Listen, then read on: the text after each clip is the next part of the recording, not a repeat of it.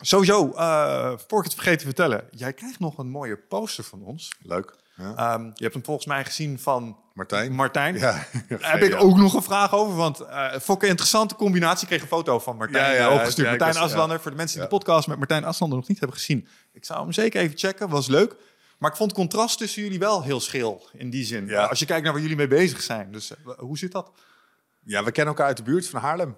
Dus we hebben bij elkaar in de straat gewoond. En toen zijn we bevriend geraakt. Oh, dat is grappig. Ja. Ja, en ehm, ja, ik zei het al, je krijgt nog een mooie poster van ons. Was ook, ik moest daar erg om lachen, want ehm, we hadden jou gevraagd, daarom is hij er nog niet, eh moet nog even wat quotes hebben om erop te zetten. Mhm. Eh, en eh, je doet dat met Joost, maar ik lees de mailtjes wel eens voorbij komen. En toen moest ik lachen, want ik herkende meteen, stond daar rammen met je kadaver. Ja, die quote. Ja, Ja. ja. En die kende ik van iemand anders, waar jij ook al een keer in de podcast eh, eh, bent geweest. ja, van Mark Polle. Ja, shout-out aan Mark Polle Ja, van de, eh zeker. Hele mooie. van de quote. Scherpschutters podcast. Ja, Uh, als je die nog niet kent, zou ik zeker luisteren. Een soort Nederlandse Jocko Willing podcast. Mhm. Als je veel over defensie wil luisteren, dan kan je daar eens eh, je hart ophalen. Um, maar die krijg je dus nog van ons. En eh, die krijg je van onze leuk, sponsor quotes. Dus eh, die komt eh jouw kant op. Um, maar voor de mensen die nu zitten te luisteren, die hebben eigenlijk nog geen idee eh, wie jij bent en eh, wat je eigenlijk doet. Dus zou je voor de luisteraar misschien eens even kort kunnen vertellen um, waar mensen jou doorgaans van kennen? Ehm, ja, ik denk niet vanuit mijn politietijd. Eh, ik heb 30 jaar... bijna- Hopelijk voor ze. Hoop ik, ja. ik heb 30 jaar bij de, bijna 30 jaar bij de politie gewerkt. Eh, ooit in uniformdienst, eh, gestart in Zaanstad. Ehm, ik ben naar Rotterdam verhuisd. Ik heb heel kort bij de recherche gewerkt, toen bij het arrestatieteam van de politie. In Rotterdam en in eh, Amsterdam. Ik heb lesgegeven eh, bij de politie. En ik ben toen naar een undercover eenheid gegaan als begeleider van undercover operaties. Uh, aan, die termijn, aan die functie zit allemaal contract vast. Dat liep af, toen ben ik weggegaan met de politie. En um, overstap naar het bedrijfsleven gemaakt. Een hele leuke uitdaging was. Toen kwam ik met mijn compagnon Marcel van den Ven in contact. Marcel zat toen al voor mij twee, drie seizoenen in Hunted, programma. En die vroeg me eigenlijk van, joh, uh, lijkt het je leuk om uh, in het tv-programma mee te doen? We zoeken nog iemand die op het headquarters functie kan doen. Dus toen heb ik die switch gemaakt. En in het bedrijfsleven gestapt. En ik heb nu ook een, uh, samen met Marcel, hebben, zij hebben een uh, rechercheadviesbureau. Dus we draaien uh, rechercheonderzoeken voor bedrijven, particulieren, organisaties. en we geven training en coaching als het gaat om op het gebied van veiligheid. Ja. Wauw, zo'n mooie carrière, sowieso. Um, als zoon van een politieagent, uh, ja. die zelf ook ambities had om bij justitie te willen, helaas slechte ogen. Um, het is altijd wel even leuk om naar het begin van uh, je tijd bij de politie te kijken. Um, wat trok je richting dat vak? Oeh ja, ik denk toch eigenlijk het gevoel van um, onrechtvaardigheid. Dus iets willen doen aan een stukje veiligheid, uh, wat recht doet aan binnen de maatschappij. En misschien ook wel een stukje spanning van uh, boef vangen. Ja. Weet je, dat is eigenlijk wat, wat het politievak me vanaf jongs af aan eigenlijk wel aantrok. En um, ben ik niet meteen ingestapt. Ik, ben, ik was best wel goed in scheikunde op de middelbare school. Daar wilde ik eigenlijk mee verder. Dus ik had ook iets kunnen doen van Breaking Bad. Maar uh, ik ben wel naar laboratoriumonderwijs gegaan. En uiteindelijk dacht ik van nee, daar, ik stop hiermee en ik ga richting politie. Ja, ja. want in dat opzicht... Um, ik denk dat het merendeel van de jonge mannen die kiest voor een carrière bij justitie of defensie... Uh, dat het stukje het is wel spectaculair Actie, werk. spectaculair, afwisselend. Uh, ja, je, weet, ja, je weet eigenlijk niet helemaal hoe je dag eruit gaat zien. Dus het is wat dat betreft een hele bewogen, bewogen baan. Mm -hmm. Met veel uitdagingen. Ja. Heel boeiend, ja. Ja, en uiteindelijk ben je uh, overgegaan richting het AT. Ja, arrestatie. arrestatie ja. Ik heb de jongens van dichtbij meegemaakt. ze hebben er wat over verteld. Mhm. Mm -hmm. um, dat is een, wel een redelijk select clubje. Daar kom je niet zomaar Ja. bij. Moet je wel een bepaald profiel voor hebben, denk ik. Mhm. Um, hoe verloopt zo'n uh, opname in zo'n AT? Is dat iets waar je actief op solliciteert? Of word je een soort van uit de gelederen geplukt? Of hoe kom je zo bij een AT terecht als je eigenlijk normaal... Straatagent klinkt misschien te denigrerend, maar Nee, in het nee, blauw op straat bent. ja, het eigenlijk gewoon eh, blijft altijd weer solliciteren. die, je was eigenlijk binnen, om het beeld te schetsen, in die periode waren er zeven arrestatiesteams in Nederland. Die waren verdeeld over uh, arrondissementen, dus uh, aan bepaalde rechtbanken. Zoals je in Amsterdam hebt, in Den Haag, in Rotterdam, et cetera. Zeven verspreid van Nederland, geografisch verdeeld. Um, teams waren eigenlijk structureel onderbezet, omdat uh, de toelatingseisen hoog lagen. Werkdruk lag hoog, dus het, niet iedereen uh, ambieert dat om dan in zo'n omgeving te werken. Dus er werden, ehm, denk ik, één keer in het jaar, één keer in twee jaar, werd er een nou, sollicitatie opengesteld. En um, met een selectieprocedure en een opleiding die eraan uh, aangekoppeld was. Dat was eigenlijk het wachten van wanneer was zo'n selectie opengesteld en wil je daar dan aan meedoen? Dat is eigenlijk, ja, zoals je eigenlijk op een normale baan solliciteert, uh, kon je dat hier ook uh, je interessekenmer maken. Ja, dat snap ik. met als enige uitzondering dat er denk ik een hele sterke fysieke norm gekoppeld is aan deze sollicitatie. Ja, tuurlijk. Ja, je hebt in die, ja. Zitten wat fysieke aspectjes aan die... Ja, en dat vinden we in deze podcast altijd ernstig fascinerend. Omdat uh, uh, fysiek uh, in vorm zijn heeft een fantastisch effect ook op hoe je mentaal ervoor zit. Ja, eens. denk ik altijd. Klopt, en, klopt helemaal. Zeker als je kijkt naar het mentale aspect van het werk van een arrestatieteam. Denk ik ook wel dat daar een verband tussen zit. Want die kunnen dat werk niet doen op die manier. Mm -hmm. ze ook niet tegelijkertijd super fit mm -hmm. en actief zouden zijn. Nee. Um, was, je altijd al, was, je, was je al een outlier fysiek? Was je al atletisch in dat opzicht? Ja, ja weet je, dat is ook grappig. Iedereen is wel verschillend. De een kan heel, uh, heel hard, is heel goed in hardlopen. De ander wat beter in vechtsport. De ander is beter in touwklimmen. En, maar je moet wel uh, sporten leuk vinden. Uh, je, moet, je moet fysieke belasting moet je echt leuk vinden. En um, dat gaat soms wat verder dan leuk vinden. Of dat je het ook niet meer leuk vindt. Maar sport is wel de basis. En um, ik, ben, ik heb een rugby-achtergrond. Ik was altijd vervent rugbier. Verklaart de schouders. Dankjewel. Nee, dat... Uh, dus, dus je moet op een gegeven moment ook gaan kijken. En bij zo'n selectie bijvoorbeeld, wat uh, wordt er gevraagd? Nou, zelfverdediging is een, is een item uh, natuurlijk wat belangrijk is bij, bij het arrestatiesteam. conditie in brede zin ook. Dus je moet, je moet daarin wat gaan specificeren. Je kan, gaan kijken, al die eisen die je hebt van toelating, fysieke testen die zijn opvraagbaar. Dus ik zeg, hey, wat, wat moet ik minimaal halen? Hey eindbaas en luisteraar, dankjewel dat je zit te luisteren naar deze podcast. Ik onderbreek hem eventjes voor een hele belangrijke boodschap. Of misschien liever gezegd een uitnodiging. Want op 24, 25 en 26 mei dan is er weer een nieuwe editie van Ride of Passage. Dat is mijn retreat voor persoonlijke ontwikkeling.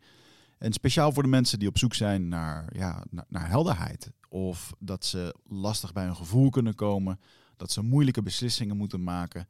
En dat ze zo ontzettend in hun hoofd zitten. Ja, dat ze er eigenlijk gewoon niet meer goed uitkomen. Of dat ze misschien al heel lang in een, ja, een soort van oud gevoel zitten. Dat ze dat gevoel willen transformeren. Of misschien wil je gewoon een oud stuk achter je laten. Ergens een punt achter zetten. En ja, zoek je misschien heling op iets wat, wat je te lang hebt weggeduwd of, of hebt vermeden. En daarvoor wil ik je uitnodigen op 24, 25 en 26 mei om in een retreat mee te doen waar de inhoud van het programma geheim is. Waar de belofte is dat het oncomfortabel wordt. Want jij begrijpt als geen ander dat als je die volgende stap wilt maken, ja, dan zul je uit de comfortzone moeten komen. En ik garandeer je, laat mij dat proces begeleiden met jou voor drie dagen. En je leven zal daarna nooit meer hetzelfde zijn. Gemiddeld beoordelen de deelnemers het met een 9,2. En daar ben ik ontzettend trots op. Er is ook een money back guarantee. Heb je de drie dagen vol, volbracht en vind je het niks, krijg je gewoon je geld terug. Dus het enige risico wat er is, is dat je gelukkiger kan worden. Ik zie je op Bride of Passage. Ga naar wichertmeerman.nl en klik op Retreat. Als ik, uh, om, om mezelf een keer op te drukken, wat moet ik minimaal laten zien op een 100 meter sprint? Wat moet ik laten zien op 5 kilometer hardlopen? Of op een hindernisbaan? Hoe kan ik daar beter in worden? Daar kan je voorbereiden. En dan is het ook nog een keer zo dat in zo'n test komen al die onderdelen achter elkaar. Dus hoe ga je dan om met weinig rust, met weinig herstel? En uh, er komt eigenlijk op een mentaal aspect aan. Van, uh, kan je die knop nog omzetten om nog een keer te gaan en het uiterste uit jezelf te halen? Ja, ja. Nou, dat is je duidelijk gelukt. Ja. Was je gewoon, ja, ik denk rugbyers, dat zijn over het algemeen ook niet echt fragiele mensen. Dus ik denk dat daar al wel een klein beetje ja, wat zaadjes geplant waren voor, uh, misschien voor doorzetten. Wel, misschien wel, ja. ja. Of was je altijd al een taaie in dat opzicht? Nee, eigenlijk niet. Nee, weet je, het is ook... ehm, Nee, ik, weet- ik zou me niet omschrijven, mezelf niet omschrijven als taai. Ja, Maar is meer de, dat je op, op een bepaald moment ehm, een knopje om kan zetten. Ehm, dat je, dat je eh, een stapje verder kan gaan. Of dat je... eh, ja, nou, bijvoorbeeld zo, met de, als ik met de rugby vergelijk... dat je de situaties op het veld, het een contactsport is... eh, dat je daar gewoon... Daar voel je op dat moment helemaal niks van. Je doet je ding, je, je volgt je maatjes... eh, je volgt de afspraken die je met elkaar gemaakt hebt. En... ehm, zet je knop om. Ja. En ehm, dat pakt dan zo uit. ja, een van mijn persoonlijke fascinaties is namelijk als, als het gaat om, om dat stukje mentaliteit, ehm, vraag ik me altijd af of dat te kweken is. Hè? Een van mijn, eh, dat is mijn werk om mensen soms dingen te leren. En dan loop ik daar ook wel eens tegen aan. Zeg maar, van, Ja. Dat je denkt, gast, kom op, even schouders eronder. En dan vraag ik me altijd af, is er een manier om dat in iemand die dat misschien niet in eerste instantie van zichzelf heeft, eh, er, erin te krijgen en te cultiveren? Ehm, Ja. en misschien kun je daar iets over zeggen. Ja. Vind jij daarvan? ja, ik denk... Natuurlijk in de basis is ook het mooie van mensen... dat eh, iedereen is verschillend. Iedereen heeft zijn eigen kwaliteiten en eh, krachten. Ehm, en ik wil ook helemaal niet zeggen dat... eh, ik heb wel veel geschreven, maar dat... eh, dat je natuurlijk de methodiek van zo'n arrestatie van die speciale teams... eh, dat je kan toepassen in je werksituatie... Maar niet alle teams, niet iedere mensen kunnen AT'ers worden of AT-teams zijn. En dat moet je ook helemaal niet willen. Ik denk, je moet kijken van eh, wat ligt er in jouw range om daar iets uit te pakken wat in jouw situatie past. Wat in je werkomgeving past. Wat je past bij je persoon. Of waar je misschien wel achter komt van, ja, weet je, het past totaal niet bij mij. Ik ben echt 180 graden anders. Eh, dat kan ook werken, dat je het zo een inzicht krijgt van, ja, weet je, waar maak ik me druk om? Ik wil me maar meten ook om ehm, die kwaliteiten mijn eigen te maken. Nee, zo ben ik als persoon helemaal niet. Ik kan mijn kwaliteiten veel beter op een ander vlak richten. Want dat zijn mijn sterke kanten. Ja. En Ik moet een beetje denken aan, het, eh, aan kickboksen, als je dit zo zegt. Omdat eh, een heleboel mensen, iedereen kan kickboksen worden. Maar of je nou twee meter bent, of je bent eh 1,80, dan maakt het verschil in wat voor soort kickbokser je wordt. Dus Ja. sommige technieken moet ik me niet eigen willen maken. Nee. Ben ik te lang voor, weet Ja. je wel. Sommige zou je beter kunnen gebruiken. zet je want- andere krachten in. Juist, Klopt. Dus een beetje dat idee. Ja. En ik denk dat, je zegt van over... ehm, waar, je men, waar ik denk dat je mensen altijd in kan helpen en in kan coachen... is wat is voor jou ballast? En wat, is eigenlijk, wat zijn eigenlijk bijzaken? Eh, wat voor mij ehm, bijzaken zijn, kan voor jou eh, een andere prioriteit hebben. Maar iedereen heeft denk ik last van ballast en bijzaken. En dan maak je druk om allerlei randvoorwaarden en randverschijnselen. Als je daar een beetje in eh, kan schuiven, dat je dat kan loslaten of van je af kan zetten. En als je het nou hebt over eh, rust, mentale rust, zal dat heel veel helpen. Laat die randverschijnselen, al die bijzaken, maar minder invloed hebben. En, be- en probeer te, meer te focussen tot een doel of tot de kern waar het wel om gaat. Ehm, dat is interessant, want de perfectionist, en een stemmetje in mij zegt nu ook, ja, maar als je al die randzaken gaat negeren, dan kunnen daar onvoorspelbare zaken uit naar voren komen die je plan verneuken. Ja. Ehm, en dan zeg jij daarop,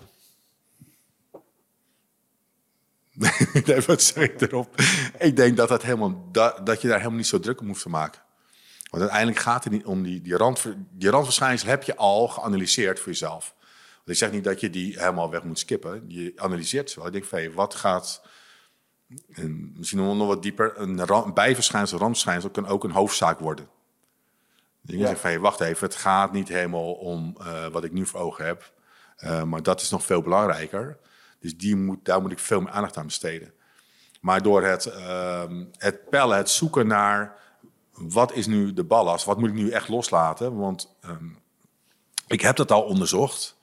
Dan kom je meer tot de kern. En eh, vanuit die kern kan je beter op je doel afgaan. Ehm, maar ik denk zeker belangrijk is meer mentale eh, eh, rust in je hoofd creëren.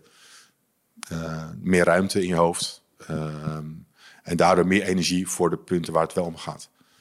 ja, En, en bijzaken of die, die, rand, die randverschijnselen is voor iedereen anders. ik denk dat ik snap wat je zegt. Ehm, ik ben een IT'er, dus ik probeer het even te vertalen naar een voorbeeld uit mijn wereld. Als je computer heel druk is, wordt die langzamer. Als je veel verschillende dingen aan het doen. Uh, en als je één ding, dan helpt het soms als je een paar programma's uitzet. En dan krijgt hij meer bandbreedte van, meer CPU-kracht. En dat is eigenlijk een beetje wat ik je hoor zeggen. Ja. Dus elimineer al die stomme achtergrondprogramma's, zodat er één ding al je rekenkracht krijgt, zodat je daar optimaal in kunt presteren, opereren. Ja, klopt. Yes. Mooi. Um, wat was in, in, dat opzicht uh, duidelijk? Hè? Je hebt het fysieke, je hebt het mentale component. Uh, maar AT'er zijn is meer dan dat. Er komt ook een boel protocol, techniek, mm -hmm. strategie, tactiek. Al die dingen komen daarbij kijken. Wat was binnen um, die tijd de grootste uitdaging voor jou om onder de knie te krijgen? Wat vond je het moeilijkst? Um, maar is het.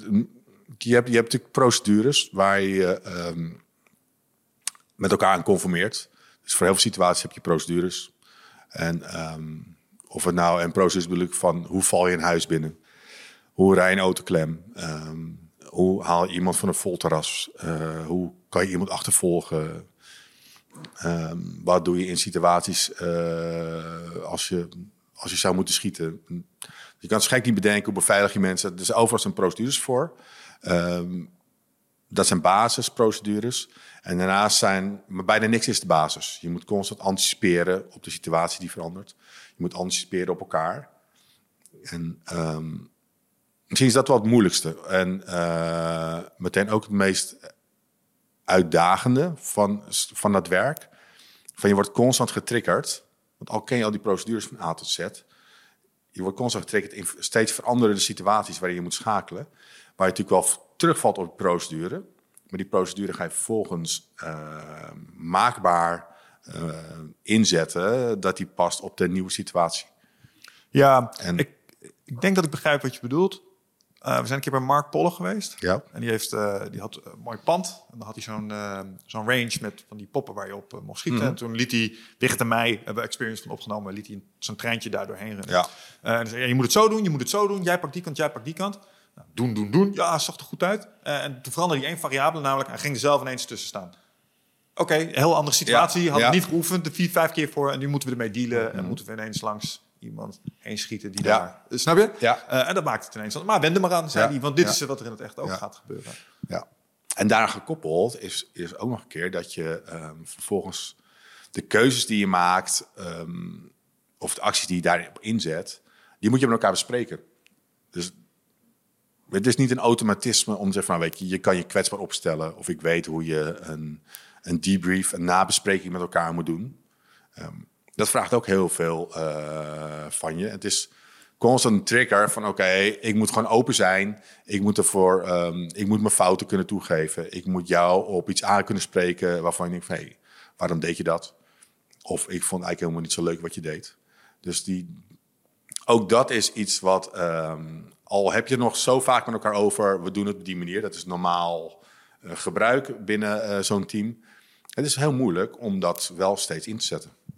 Ja, oh, dat vind ik fascinerend. Want um, een van de grootste valkuilen die je bijvoorbeeld binnen de IT ziet, is dat teams, um, die werken in sprintjes. En ja. dan uh, zeg maar een sprintje voorbij. En dan wordt direct het volgende sprintje ingezet.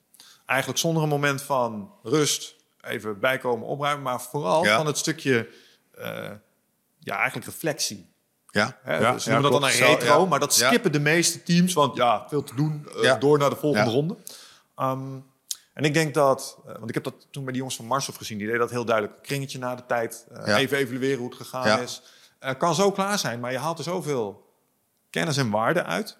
Um, dus misschien wel, wel interessant um, om even kort door te lopen hoe een goede debrief er wat jou betreft op papier uitziet. Want ik denk dat dat ook een soort standaard procedure is die jullie dan volgen. Dus wat voor onderdelen tikken jullie aan in zo'n debrief? Oh ja, ja. Ik Kijk, dus de standaard debrief is eigenlijk van begin tot eind van hoe ben je. Kijk, zo'n, laat een voorbeeld nemen: inval in een, in een, in een huis. Uh, je gaat s'morgens om vijf uur haal je iemand uh, van zijn bed. Um, lig je van zijn bed, omdat hij gezocht wordt voor een liquidatie. Daar gaat natuurlijk een heel proces aan vooraf.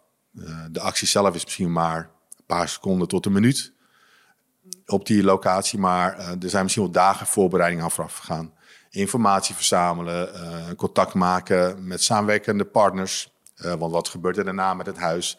Waar moet die uh, verdachte naartoe worden gebracht? Welk team is verantwoordelijk? Welk officier heeft er toestemming voor gegeven? Tot aan hoe ziet de locatie eruit? Dus je gaat dat ook helemaal in kaart brengen en voorbereiden. Um, dan kom je tot een plan. Dat plan wordt van hoe kunnen we op de beste wijze uh, welke procedure toepassen? Welke aanpak is hierbij vereist? Uh, wie loopt daar het meeste of minste risico bij?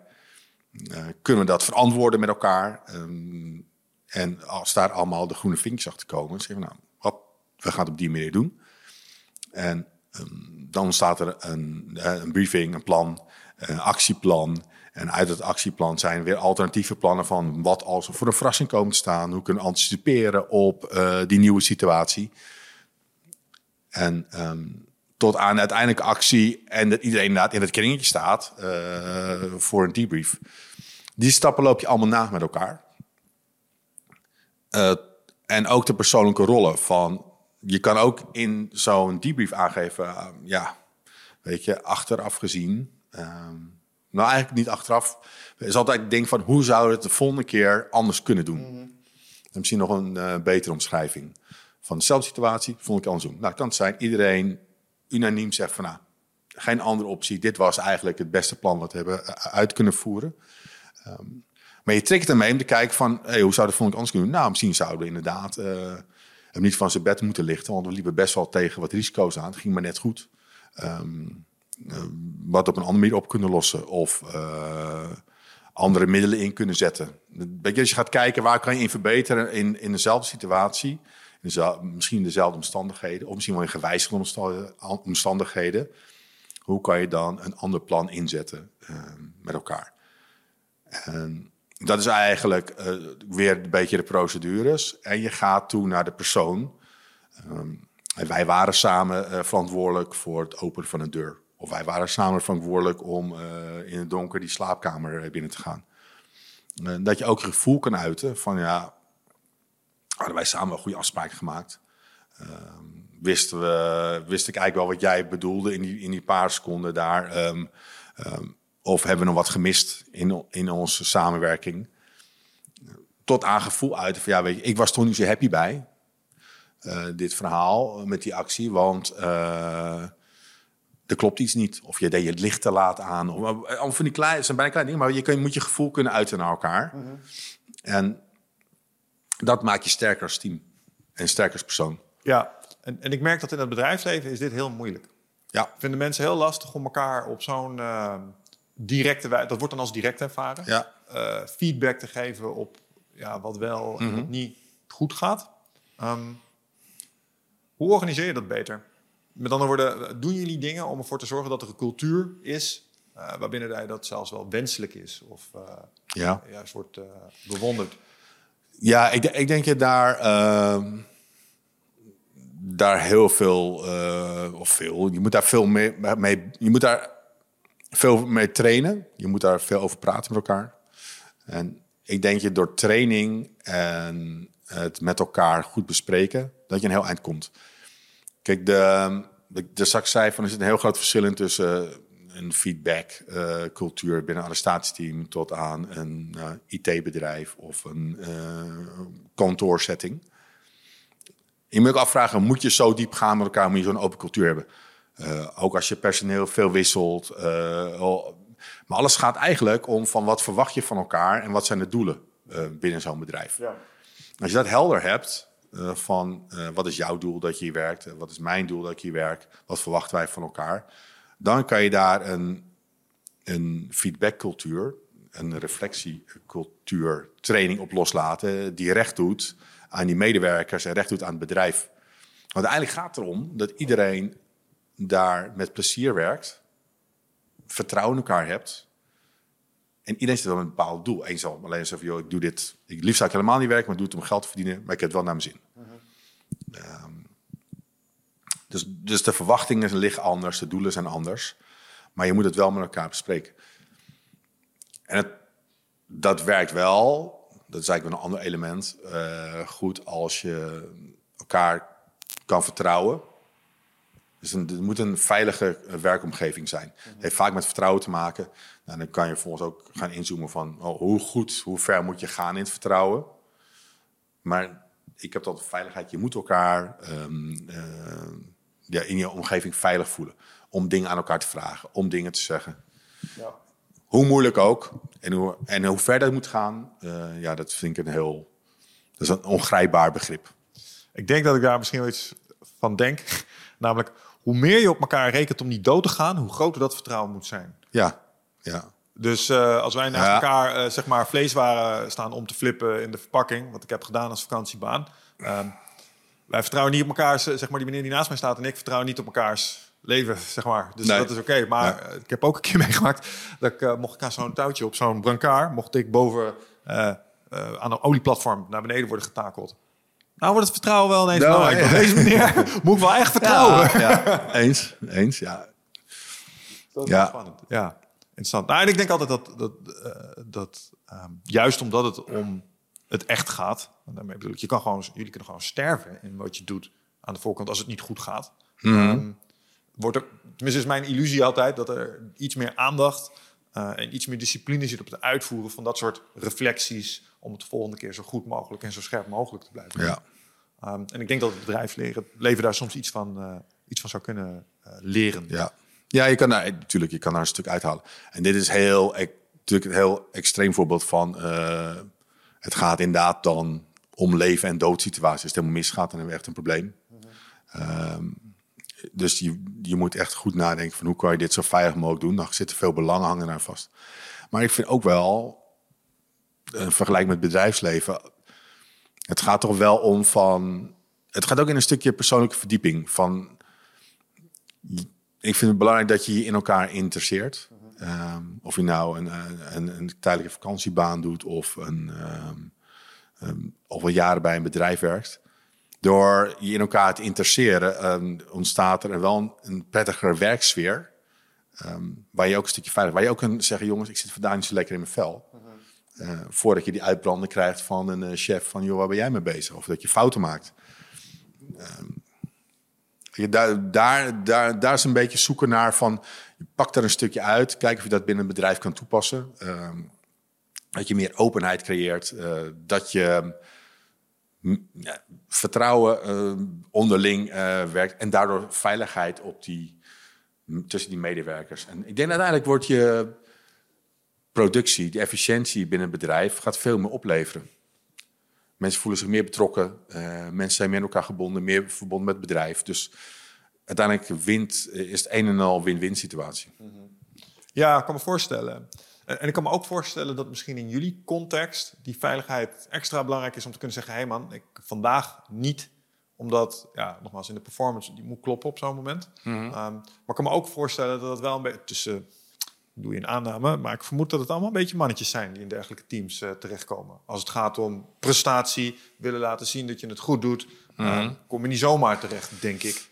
En dat je dan uh, op een dag dat je je misschien niet zo, niet zo goed voelt, niet zo sterk voelt, dat het juist moeilijker is om te zeggen dan, vanuit een stukje ego, hé hey man, ik voel het even niet vandaag. Omdat je ja. graag naar de rest toe wil je niet al te kwetsbaar opstellen. En ik denk dat een stukje veiligheid dan is, dat je juist wel die vrijheid of in ieder geval... Ja Nee, dat is ook het spanningsveld, weet je, van misschien dat je ook weinig keus hebt om dat te zeggen. Mm -hmm. um, maar als ik het voorbeeld um, haal ik wel aan van als je teruggaat naar die inval in die woning en ik maak de verdeling van het team en ik zeg nou uh, deze twee mensen gaan als eerst naar binnen. Waarvan ik weet dat die ene zit in, ligt in scheiding en die heeft allerlei problemen als hoofd. De ander uh, heeft het tegenovergestelde, die is net vader geworden, die heeft de hele nacht niet geslapen zegt iedereen van ja, hoe kan je die twee mensen nou. Ja, ja, Als het goed gaat, gaat het goed, maar hoe kan je die mensen nou naar binnen sturen? Maar zit je in een bedrijfscultuur um, met een managementteam bijvoorbeeld om tafel en je moet besluiten nemen over belangrijke investeringen of misschien wel uh, een saneringsronde, welke mensen vliegen eruit? En je zit daar met dezelfde um, problematiek, niet geslapen, uh, veel in je hoofd, maar je moet wel meebeslissen. Mm -hmm kan het wel cruciale gevolgen hebben voor je bedrijfsstructuur of voor de mensen om wie het gaat. En als je dan durft te zeggen van jongens, ik beslis nu even niet mee of we parkeren dit naar een later moment, want ik heb mijn kop er niet bij. daar gaat het denk ik gewoon om. Dat je dat met elkaar steken. Daar moet ook begrip voor zijn. Dat is weer een, een andere fase. Maar daarmee naartoe werken met elkaar, dat, dat geeft alle partijen eh, rust en winst. Ja, ik denk dat dat klopt. Maar daar is wel ehm, soms een stukje moed voor nodig. Zeker. Het is ook niet het is makkelijk gezegd dan gedaan. Nee. Maar Want dat ik is, kan me allerlei situaties herinneren waarbij ik dit eigenlijk zou ter harte had zou moeten nemen, Ja. maar niet heb gedaan. Nee. En nog net even een stukje verder ben gegaan als dat beter was. Misschien Ja. voor mezelf. Ja. ja, ik snap het. Alright. Um, en toen ben je uiteindelijk eh, binnen de arrestatieteams, ehm, daar was je klaar mee? Of, maar je bent in ieder geval iets... ehm, nee, laat ik de vraag herformuleren. Hoe ben je uiteindelijk projectleider geworden bij internationale undercover operaties? Als zijn iemand die in eerste instantie betrokken was bij het AT. Oh ja, dat. ehm nou, ik, eigenlijk een stapje terug. Arrestatieteam is ook een, een, is een tijdelijke functie. Ja. Ja, dat kan je zes, acht jaar doen op papier. En ik heb het bijna tien jaar gedaan. Ehm, maar ergens houdt het op. Weet je, op een gegeven moment. Het houdt op omdat je ehm, misschien wat meer uitdaging wil. Weer andere prikkels. Ehm, klinkt raar. Sommige dingen worden ook gewoon. Eh, ja, zelfs op zo'n manier zulk dynamisch werk doen. wordt ook gewoon. Ja, Raar is dat, hè? ja. En er komt bij, de werkdruk was hoog. Ehm, dat wordt ook gewoon. Dus sociaal leven eh, ga je eigenlijk ook zeggen van alles draait om je werk. Tot, tot je signalen krijgt van mensen wel, weet je wel. ehm, jij bent altijd alleen maar een beetje werk bezig. Zou je niet wat meer vrij willen zijn? Dat je denkt, oh, heb ik eigenlijk nooit zo over nagedacht, bij stilgestaan. Of je kinderen dat zeggen. Ehm, ja, en dan krijg je ook wel inzicht van, ja, weet je, wil ik dit nog langer doorgaan? Eh, en er komt er nog een fysiek aspect bij van, eh, wil je die fysieke belasting... eh, ergens houdt het allemaal een beetje op. Je, moet, dat, dat- je moet een stapje terug doen. En dat kan ook binnen zo'n team, dat je een andere functie gaat doen. Maar ja, de politie is wat dat betreft een hele mooie organisatie waar allerlei kanten op kan. Ehm, eh, zowel nationaal als internationaal. Maar ik had eerst toen zoiets van, ehm, ik wil even wat eh, regelmaat, ehm, wat overzicht. En toen ben ik les gaan geven aan eh politieorganisatie. En dan ging het over procedures ontwikkelen, ging over schieten, zelfverdediging. Eigenlijk alles wat ik geleerd had bij een arrestatie, om dat over te dragen aan allerlei onderdelen binnen de politie. En het was eh, toen vier dagen in de week, eh, negen uurtjes per dag. En de rest was ik vrij. Dat heb ik er nooit meegemaakt. Maar het gaf wel weer een reset van... hey, eh, het geeft mij rust en ruimte om hele andere dingen te doen. Het geeft me rust en ruimte om over na te denken, wat wil ik? Ik kwam ook achter dat ik sociaal... eh, dus mijn vrienden, familie, eh, meer aandacht eh, kon geven. Een soort inhaalslag. En, ehm, maar tijdens, dus op die vraag terugkomen, tijdens een van die schietlessen gaf ik les aan bijles aan een recherchechef die in een van een cold case aan onderzoek vanuit het buitenland kwam. En ehm, die had een aantal connecties binnen de undercover eenheid van de Nederlandse politie. En zei van, joh, dat eh, zou wat voor jou zijn. En ik zat toen eigenlijk al wel te overwegen om misschien eh, buiten de politie iets te gaan zoeken. Eh, in coaching, training eigenlijk was dat toen. En ehm, de, nou, die, er was de werkontdekmantel. En de werkontdekmantel was eigenlijk een eenheid die ehm, lastig benaderbaar was. Want er werd je, kwamen bijna geen sollicitaties voor. Of je werd erop gewezen en dan moest je met een aantal mensen praten. En dan kwam je heel langzaam kwam je in dat systeem van de sollicitatie en verder in ronde op ronde. En ik wist dat de werkdruk daar ook wel redelijk hoog was. Dus ik denk, ja, daar gaan we weer. Maar ik was toch wel nieuwsgierig van, nou, oké. wat zit er dan achter en eh, hoe loopt die procedure? Laat ik in ieder geval een paar gesprekken aan. En zo ben ik erin gerold, uiteindelijk. Ja, moest, ga- moest lachen. Dus hij, ja, zijn lastig te, te vinden, die eh, undercover eh, eenheid. Ja, dat mag ik toch hopen? Ja, die zijn zeker lastig. Ja, klopt, ja. Grappig. Ja. Ehm, Oké, en toen, toen ben je daar dus eh, met die mensen in gesprek gegaan. Eh, en je gaf net al aan van, hey, eigenlijk was mijn voornemen om een stapje terug te doen. Het trouwens ook grappig, moest ik ook op een geintje. Je zei zo even aan ja, ah, vier, vier dagen, negen uur. Weet je wel, lekker, alsof we, lekker rustig. ja, Dit is het voor een boel mensen gewoon een gemiddelde werkweek en daarna Klopt, zijn ja. ze moe. Ja, ja. Dus dat is grappig. Dat is inderdaad wel, ja, ja klopt. Ja. Ehm, maar eh, je, je kwam dus bij die eenheid en je kwam in gesprek met die mensen. Nou, blijkbaar is dat uh, wederzijds wel gevallig geweest. Ehm, wat trok je uiteindelijk toch weer terug erin? Dat je dacht, oh, maar dit is wat jullie doen. Dit wil ik ook doen. Mm. Nou, het fascinerende daarvan is... Um, je, kan, je kan eigenlijk... Je bent op zoek naar het puzzelstukje wat ontbreekt in een opsporingsonderzoek. En daar kun je een belangrijke bijdrage aan leveren. Dus eigenlijk het met drive naar de politie te gaan om wat te betekenen als het op het gebied gaat van onrechtvaardigheid. Uh, de maatschappij een stukje veiliger maken. Ik denk van ja, hier kan ik misschien wat verschil maken door uh, te zorgen dat het ontbrekende puzzelstukje op tafel komt te liggen. Hmm. Mag je praten over dingen die je daar hebt gedaan? Uh, als ik het kan, praat ik erover. En ja. sommige dingen kan ik, die zijn misschien nooit uitgespeeld of uh, hebben nooit een rechtszaak geleid. Dus daar kan ik, moet ik maar dan laat ik het wel weten. Okay, wat ik ja, nee, omdat ik ben wel benieuwd naar een concreet voorbeeld, wellicht geanonimiseerd. Hoe zo'n undercover operatie, want ik heb natuurlijk een beeld van Hollywood van undercover operaties. Um, eh, rechercheur gaat voor langere tijd undercover bij een maffiafamilie en uh, ja. integreert daar in de ranken en uh, komt zo bij allerlei mm -hmm. informatie uit. Dat is hoe ik mij dat voorstel. Ja. Misschien kun je dat ook even nuanceren.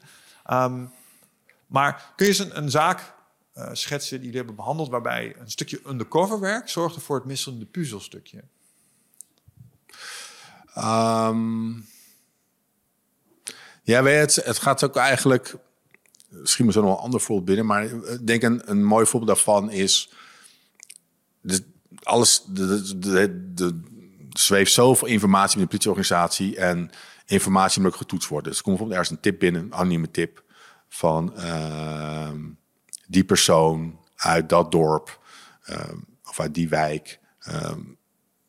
nou, die verdient geld met het handelen in vuurwapens. Die vuurwapens worden ook gebruikt, zijn gebruikt, uh, worden aangeboden aan de groepering die liquidaties uitvoert. Um, één tip. Uh, er zijn, wordt natuurlijk onderzoek gedaan door recherche. Van ja, deze, deze man is helemaal niet te linken aan uh, handel in vuurwapens. Laat staan aan een groepering die liquidaties uitvoert. Dus ja, hier gaan we nooit verder komen uh, met allerlei andere opsporingsmethodieken. Nou, dan, dan zou je een undercover agent in kunnen zetten die gewoon eens gaat kijken van... Kan ik dichterbij komen in die wereld? Kan ik eens contact maken met zo'n persoon? En eens kijken of, of die informatie klopt die, uh, die er over die persoon uh, verteld wordt. En nou, de, de gaandeweg uh, ga je dan, maak je, je maakt plannen en zegt van nou, hoe komen we bij die persoon in zijn, uh, in zijn periferie? Hoe komen we hem in contact? En um, dus er is ook een onwijze andere wetgeving omheen uh, sinds de IRT-affaire, um, waarin heel goed getoetst wordt wat zijn, um, hoe ver kan je gaan, uh, wat voor toestemming heb je nodig. Je mag bijvoorbeeld niet uitlokken. Ja, kun je nog heel even kort afstoffen wat de IRT-affaire ook alweer was? Uh, naar een IRT-affaire.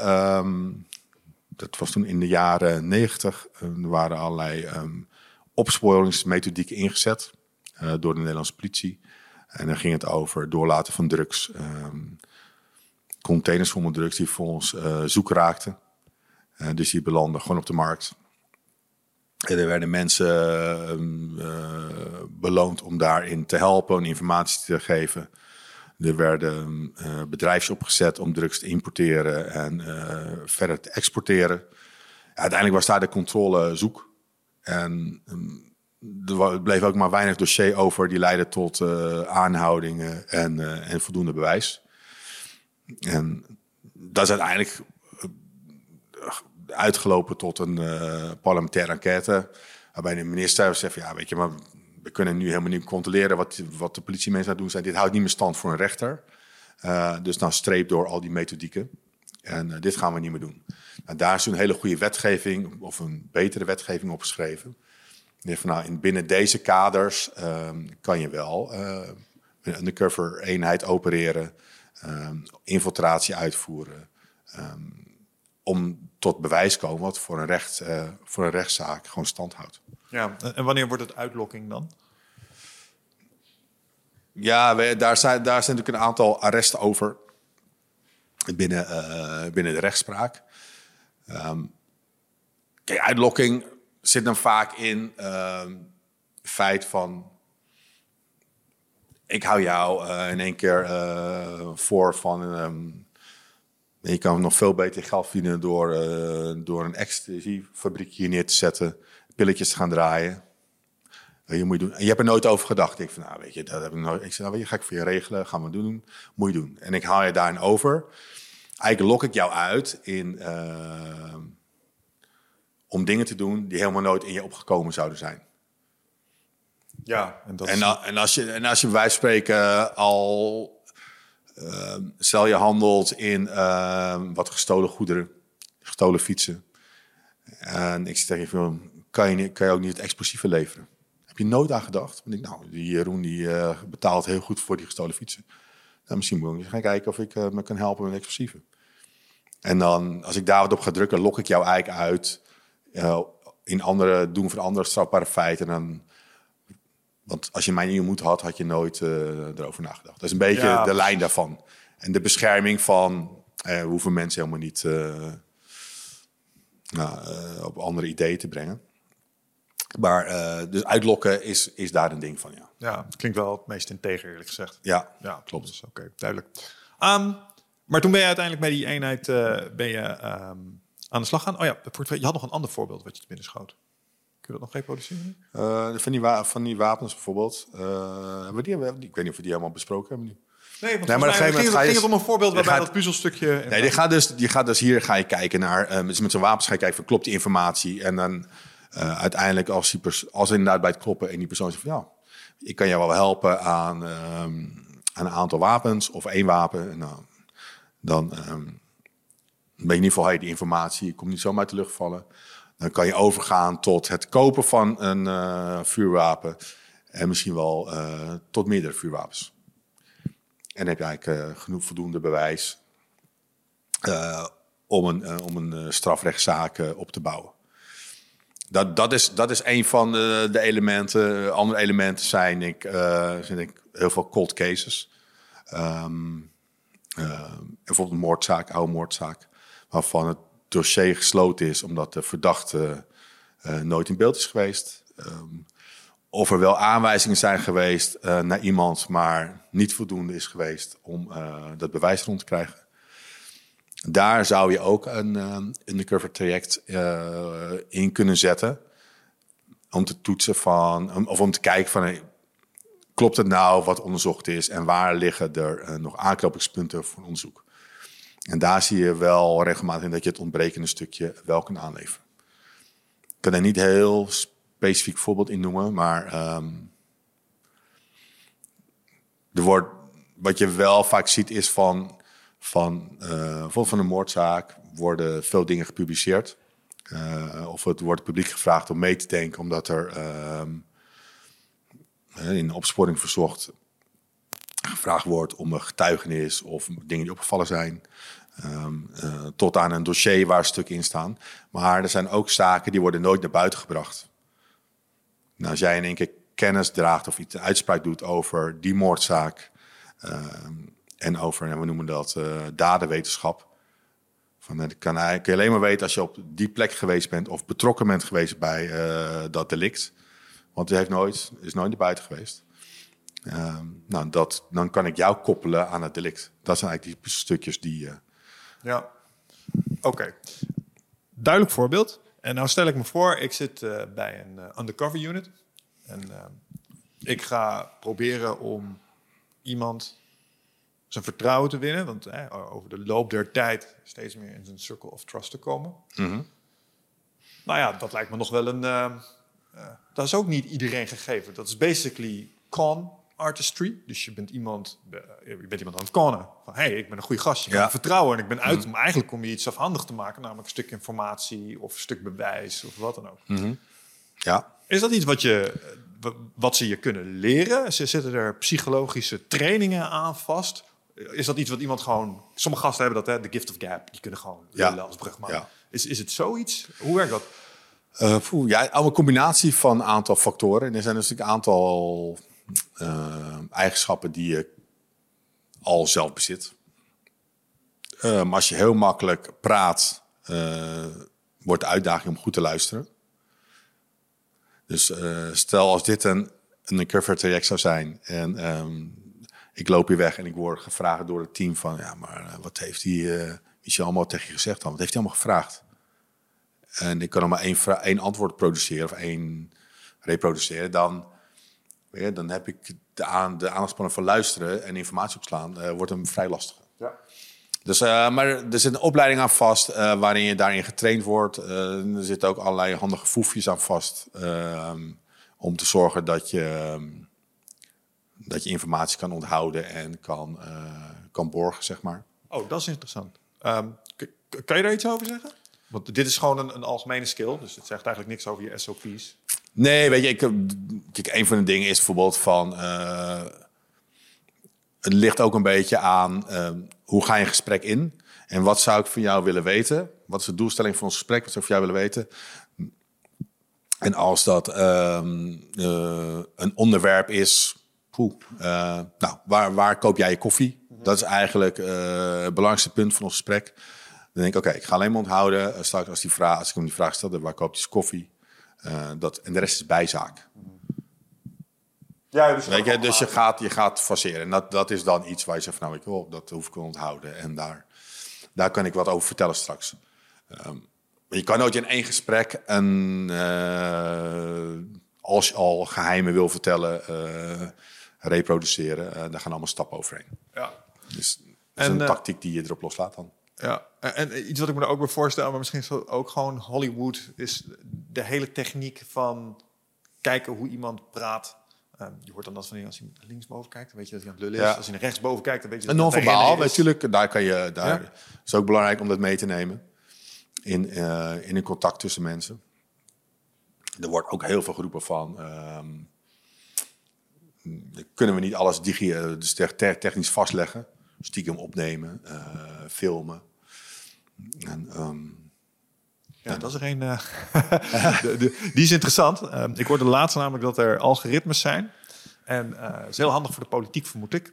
Kun je video doorheen halen en dat ding analyseert lichaamstaal, intonatie, stemvolume, ja. oogdilatie. En dan kan hij gewoon met 98% zekerheid zelf deze meneer aan het liegen is of niet.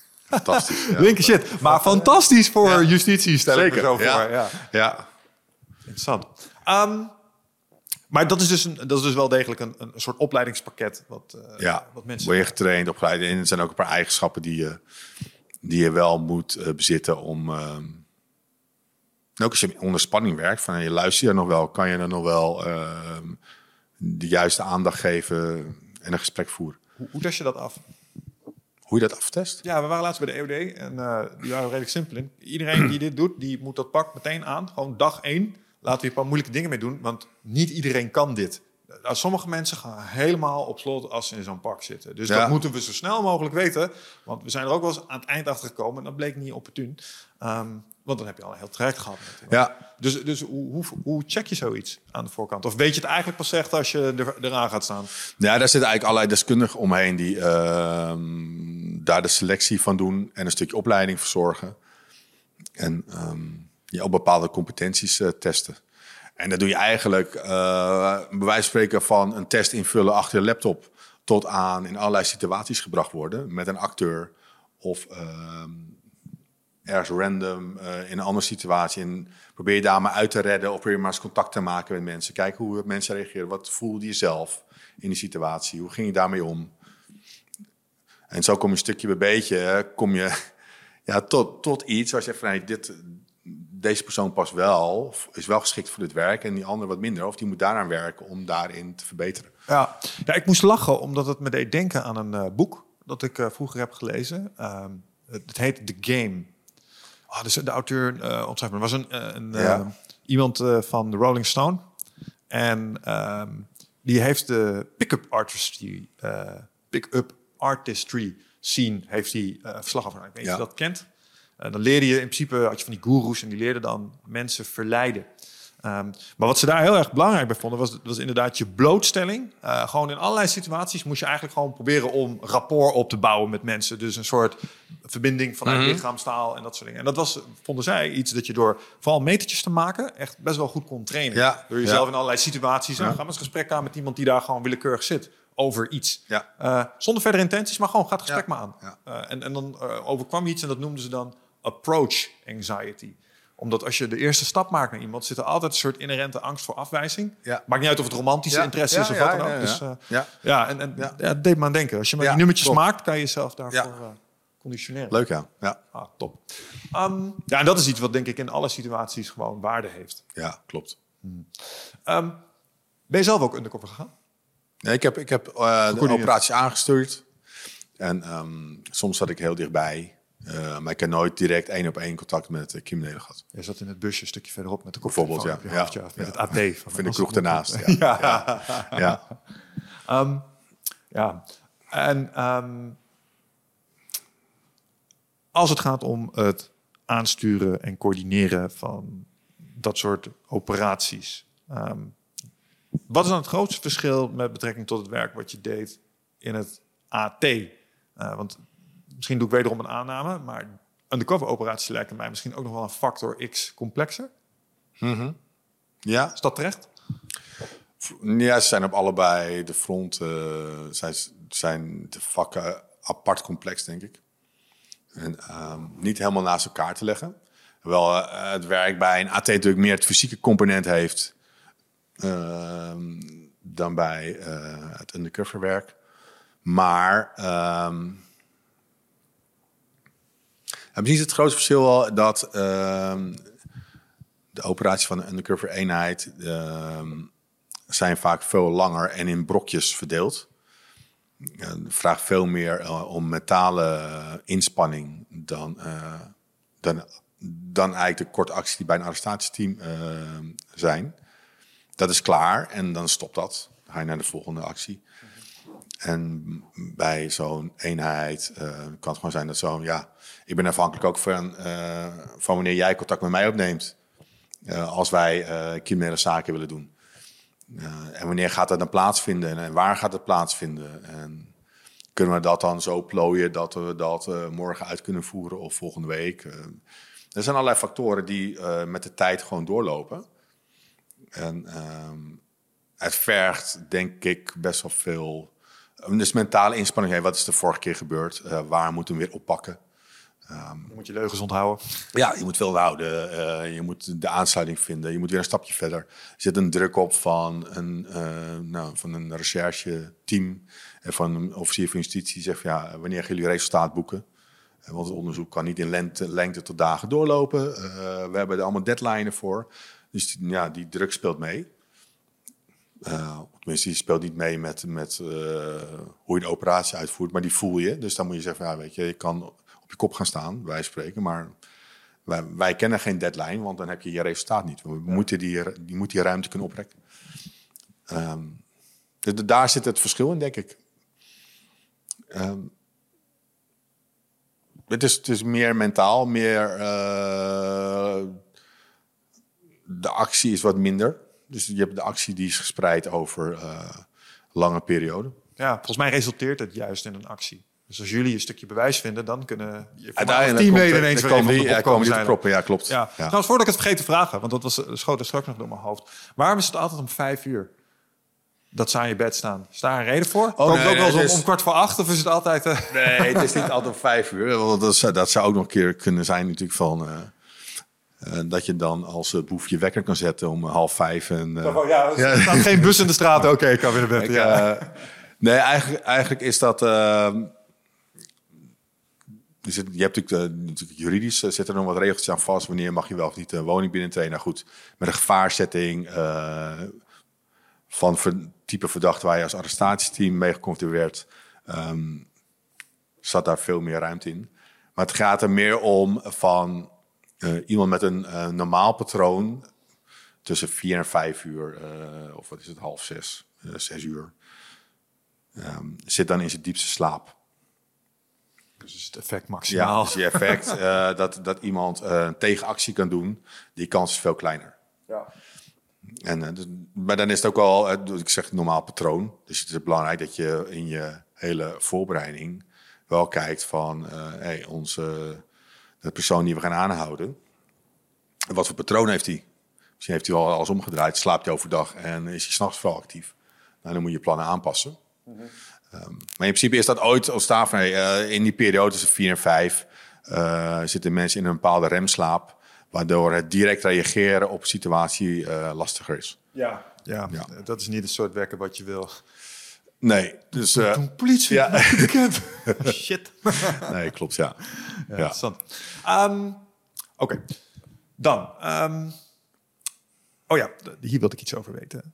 Um, als het gaat om zowel het AT-werk als het normale politiewerk als uh, het undercoverstok, denk ik dat vooral in de laatste 10, 20 jaar technologie uh, het speelveld ook wel een beetje veranderd heeft. Mm -hmm.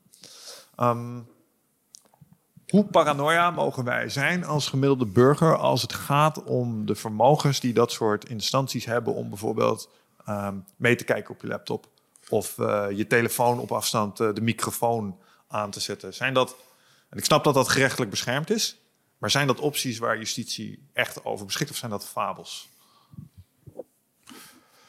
Um, nou, het, beginnen, het ligt altijd aan um, het feit, dus het strafbare feit. Um, de feiten die daaronder liggen. Dus welke heb je hier met terrorisme te maken of heb je hier met een winkeldiefstal te maken, om zo gek scheren te zeggen. En uh, ik denk dat het ook belangrijk is altijd afvragen, heiligt het doel de middelen? Dus als je het op een, uh, met een techniek zo kan uh, in kaart kan brengen, dat daardoor allerlei risico's afnemen. Hè, zowel voor, de, voor, de, voor een verdachte of voor zijn gezin, dan wel voor het team wat naar binnen gaat, om of het op een arrestatieteam, actie van een arrestatieteam te houden. Of dat het misschien heel kostenbesparend kan zijn uh, voor, een, voor een justitieonderzoek. Ehm, ja, denk ik dat, dat het allemaal best wel ver gaat. Natuurlijk moet je steeds kijken naar. Um, je moet het juridisch toetsen van klopt dit volgens wetgeving? Uh, vaak vindt een rechtercommissaris er iets van. Kunnen we dit middel inzetten? Kan ik meekijken op je laptop? Uh, kan ik dat straks in een rechtszaak uitleggen? En ja, ik, ja, ik denk als je. Ehm, maar dan is het uiteindelijk allemaal getoetst. Dat is, dat is denk ik een, uh, belangrijk in ons, in ons rechtssysteem. Dingen worden getoetst en uh, worden na, um, op papier gezet of worden. Um, of je wordt daarmee geconfronteerd dat je onderzocht bent als persoon. Ja. Maar maar het was geen direct antwoord op mijn vraag. Nee, dus, dus, ik was dus, ook even aan het zoeken nog. Maar. Ja. maar de, de, dus stel je toch eens voor, ik zou echt een bad guy zijn. En ik uh, ben allerlei uh, slechte dingen van plan met explosieven. En uh, zijn heel duidelijk... maar je mist nog iets. En je denkt dat je het kan vinden op mijn laptop. Kun je, kan justitie dan op mijn laptop komen? Zijn daar backdoors voor? Of ben ik met mijn VPN en mijn virusscanner daartegen beschermd?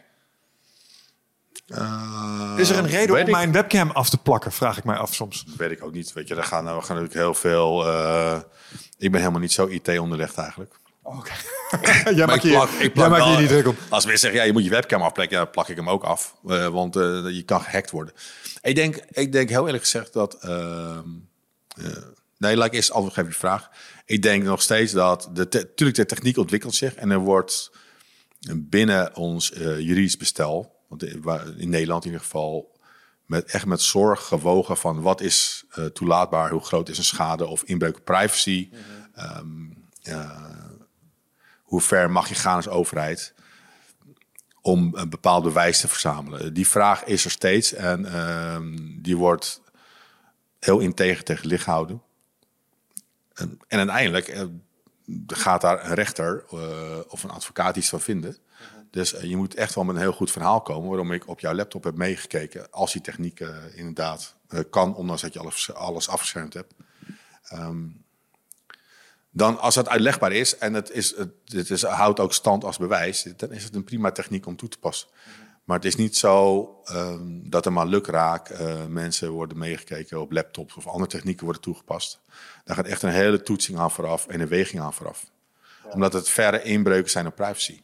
Ja. Ik maak me eerder zorgen uh, omdat je, uh, dat je gehackt wordt door een, andere een hackersgroep uit het buitenland. Omdat je geen veiligheid op je apparatuur hebt staan. En dat je door de overheid gehackt wordt en in één keer jouw gegevens op straat liggen. Ja, nou ja, je, je zei de juiste, zojuist integriteit. Daar wil ik het wel even wat langer over hebben. Omdat, ehm, nou, het zal je vast niet ontgaan zijn dat we, ik weet niet, vooral tijdens COVID zaten we best wel in een tijd van eh, eh, maatschappelijke turbulentie. En eh, toen werd er op een bepaalde manier naar onze overheid gekeken. En ehm, dan is altijd, dan krijg je cartoons en dan zie je de rijke mensen bovenaan staan en die worden dan omringd door een, een, een set aan soldaten en militaire mensen van justitie met wapens en dan onder zie je dan altijd de burgers. Eh, zo van, ja, je komt toch nooit bij de rijken en de mensen met macht, want die worden beschermd door justitie en defensie. En ik vind dat altijd zo'n gelul, ehm, omdat ik zei er straks al, mijn vader is politieagent geweest. En ik weet daarvan, dat is gewoon een vent, is gewoon een man, heeft een gezin, houdt die van, eh, wil ook gewoon een normaal leven leiden. Eh, en ik kan me niet voorstellen dat als een overheid echt, echt, echt tyranniek was, en het was super duidelijk dat ze de bad guys waren, dat hij het in zijn hoofd had gehaald om ooit maar op eigen volk iets te doen, omdat Nee. Snap je? Ja. Eh, maar dat is wel iets waar ik best wel luidruchtige stukken van de populatie ehm, bang voor zie zijn.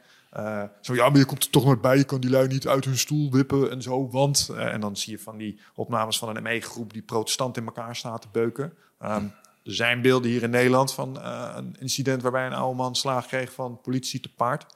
Ehm, dus Sommige mensen maken zich daar heel, heel erg zorgen over. Maar ik denk dan, ja, maar volgens mij als je met gasten... We spreken wel eens operators, zijn ook gewoon normale dudes. Ehm, kun je daar iets over zeggen? Dat, ja, kun je daar iets over zeggen? Ehm, ja, ik, schiet me een paar dingen in mijn hoofd. Van, kijk, eh, wat je ziet tegenwoordig, maar als we over techniek praten, eh, burgers filmen ook van alles. Weet je, er hangen overal cameraatjes, eh telefoons. Dat. Dus je weet, en goed ook dat er dingen vastgelegd worden en gefilmd worden. Ehm, bijvoorbeeld met, met die, eh, maar dan baseer ik me alleen maar op de dingen die ik gezien heb op tv de rellen met, rondom demonstraties. Daar, daar moet je zeker iets van vinden qua geweldstoepassing. Dat moet je zeker onderzoeken. Ehm, eh, en dan moet je ook zeker tegen protesteren. Dat vind ik, eh, ben ik helemaal mee eens. Alleen puur oordelen op één beeld, een stukje beeld, vind ik altijd wel lastig. Je weet niet wat eraan vooraf gaat, is gegaan. Ehm, als ik er vanuit politiezijde eh, praat. Ik heb ooit in jaren terug ook bij een mobiele eenheid gezeten.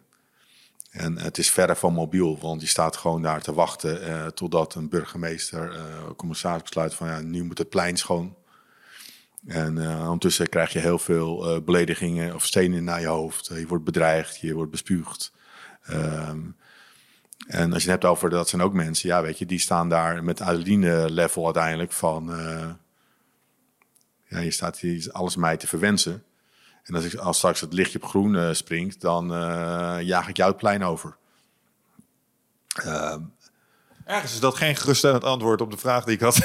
nee, maar dat is, dat is het menselijke aspect. ja, nee, ik snap het. En ehm, wat ik daar wel van vind, is dat je. ehm,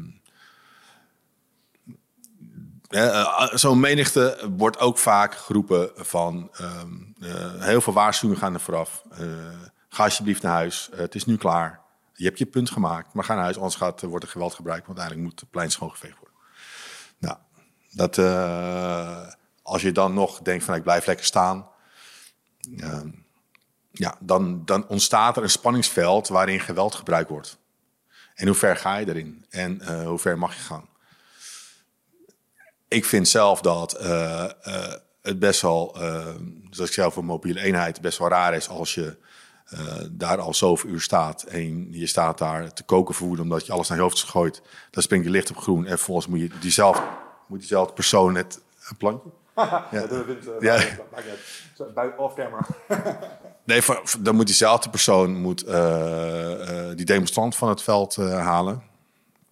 Ja, dan, dan zit daar iets in, dus even een menselijk aspect, dat iemand misschien eh, harder slaat of verkeerd slaat. Of, eh, en denk, ja, daar kun je iemand op beoordelen. Maar je kan ook zeggen als organisatie, dan weet je, ik vervang dat hele team. Ik zet er een nieuw team neer en die gaat uiteindelijk het plein schoonvegen. Ja.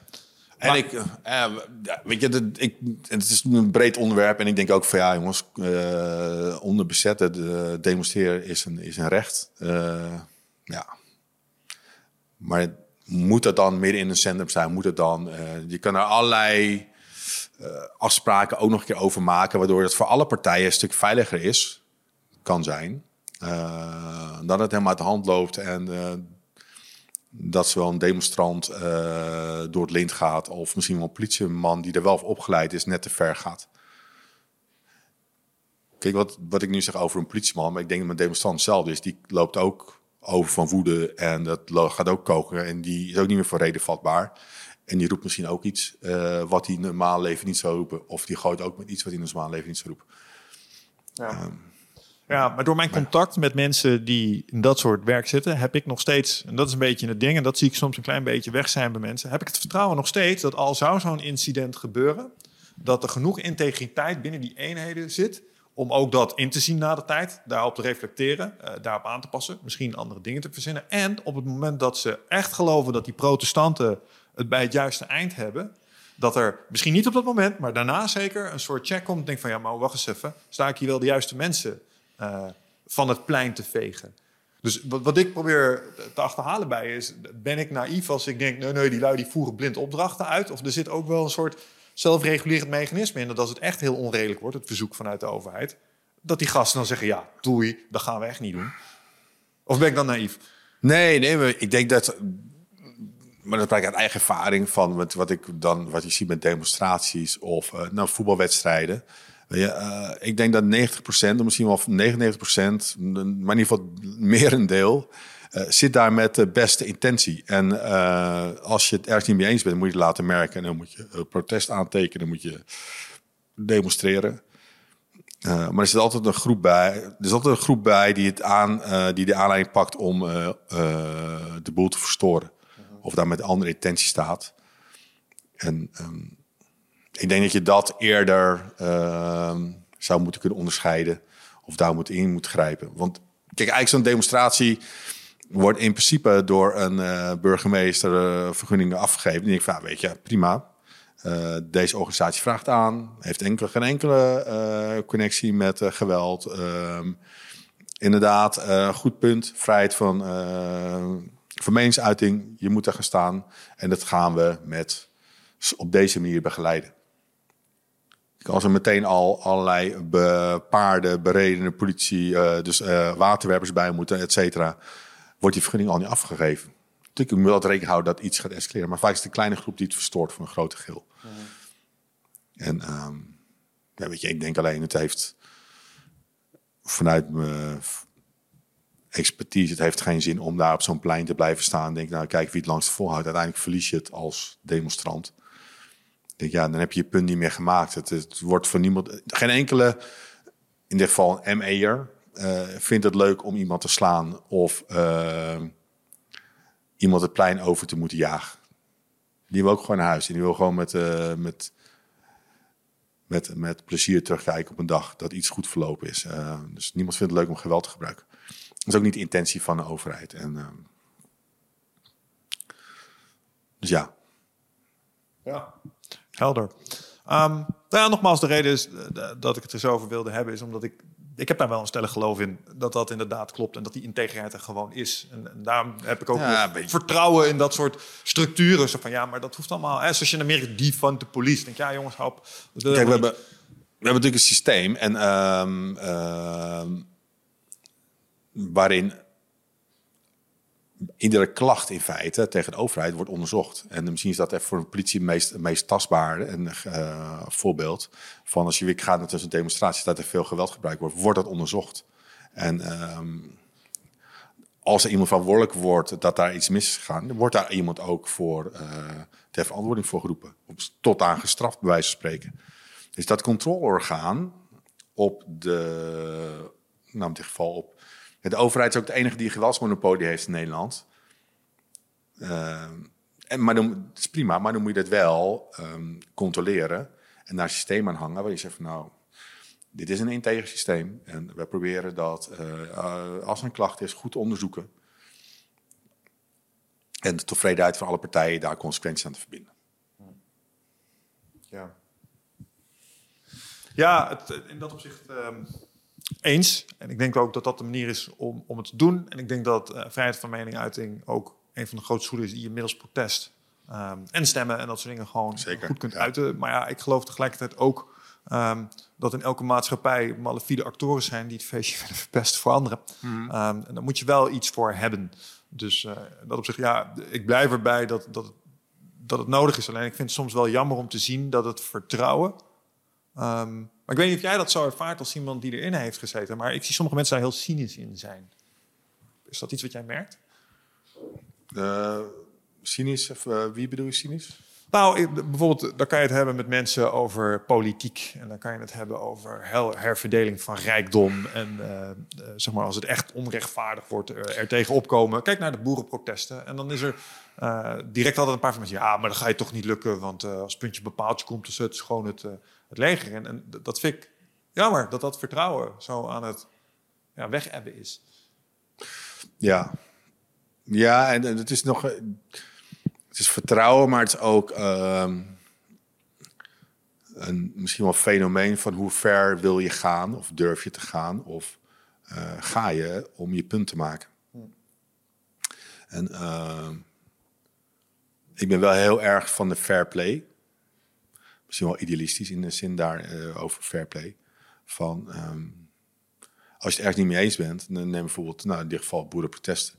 Ik vind dat je altijd, je hebt, je hebt altijd invloed. En je, eh, hoe beperkt misschien, of hoe groot ook. Maar je hebt misschien wel meer invloed dan dat je denkt. Ehm, en eh, dat er misschien niet altijd meteen naar je geluisterd wordt, dat is, kan frustrerend zijn. Maar je kan altijd op een bepaalde manier je invloed laten zien of je punt maken. Ehm, maar we hebben het altijd nog over eh, een stukje, eh, nou, een stukje menselijkheid. Als het gaat om van eh, iemand doet iets vanwege zijn werk, vanwege zijn beroep.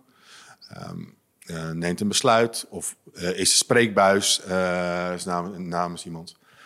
En ehm daar mag je niet mee eens zijn, daar moet je dan ook van wat van vinden. Maar als je dan kijkt naar de lijn dat mensen privé worden lastiggevallen. Dat je eh, je gezin wordt bedreigd. eh, dat je huis wordt besmeurd. denk ja, eh, daar ga je geen sympathie mee wekken bij anderen. En sterker nog, je gaat je doel helemaal niet meer bereiken. Want dan wordt de situatie zo bedreigd en groot, dan moeten andere maatregelen genomen worden. Laat staan dat de eerstvolgende voor zo'n functie zegt van joh, ik pas ervoor. Want ik heb maar geen zin in die poppenkast. Dus je democratisch bestel om helemaal door te trekken eh, gaat wankelen. Op het moment dat je zo ver gaat ehm, om je punt te maken. Ja, dat is wel iets wat ik in de praktijk heb gezien. Geen details, maar never fuck with a co- cops family. Want eh, dat vinden ze niet leuk. Snap je? Dus als je van de, vanuit de uitvoer van je werk Ja. ineens in je privé wordt aangesproken... Ja. Dan willen ze toch vaak wel even een punt maken tot hier en niet verder. Want eh, dit gaat... We zijn professionals. We proberen Ja. gewoon ons werk te doen. Ja. Eh, tot hier en niet verder. En ik vind dat terecht. Ja. Weet je, eh, ja, je ziet hem, die lijn zie je ook in, eh, of het, ehm, ehm, ik zag het voorheen misschien bij politiemensen, ehm, maar ik geef nu zijn er eh, dossiers van officieren van justitie waarbij die anoniem zijn gemaakt of met een nummer zijn gemaakt. Er staat geen naam meer in van officier van justitie. Ehm, maar hoe ver moet je gaan? Uiteindelijk, je kan moeilijk een rechter anoniem gaan maken. Je kan moeilijk een minister. Dus, maar je moet mensen wel beschermen van, eh, jij voert dat werk uit. Eh, ben je het niet mee eens, doe het niet goed. Eh, is dit de procedure om daarin eh tegenin te gaan, protest aan te dienen, klachten in te dienen? Ehm, en dat moet goed geborgd zijn qua integriteit. Dus die weg kan je gaan, maar je komt niet in een, de privé area van die persoon. Nee. Maar ja, dan heb je mensen zoals eh Ridwan. En eh, die hebben daar lak aan. Snap je? Ja. En eh, die zeggen, dat zijn mensen die martelkamers inrichten. En dan kan ik me eigenlijk ook ergens wel weer voorstellen dat ze iemand heeft van... shit, als deze mensen achter mij aankomen, ehm, ja, liever niet. Dus ik snap het wel dat mensen daarvoor kiezen. Maar de vraag is dan, hoe kun je ervoor zorgen ehm, dat dat... Welk afschrikmiddel kun je dan gebruiken? Dus wat, wat, wat kunnen wij doen om het weer veilig genoeg te maken... zodat het eigenlijk niet nodig is? En ik vraag me altijd af, ja, ik weet niet of dat kan. Zonder heel cynisch te willen worden natuurlijk. Nee, nee, maar niet. nee helemaal niet. Nee, ik denk dat je... Kijk, het is goed om daarover te praten met elkaar. Hoe denken we erover uh, als maatschappij? Um, uh, waar, liggen, waar liggen de grenzen? Uh, hoe we willen leven met elkaar? Waar, waar willen we naartoe als maatschappij? Tot aan... Um, kom je wel weer bij een overheid die zegt van... Ja, maar wacht even. Dit zijn de spelregels die afgesproken zijn. En daar heb je aan te houden. En... Um, of je nou protesteert of dat je nu uh, lid bent van een criminele organisatie. Uh, als je, ja, weet ik denk dat het ook wel gaat van, um, daar vind ik wel een overheid op aangesproken worden. Soms lijkt het te ver gaan. Een criminele organisatie groeit niet van de een op de andere dag.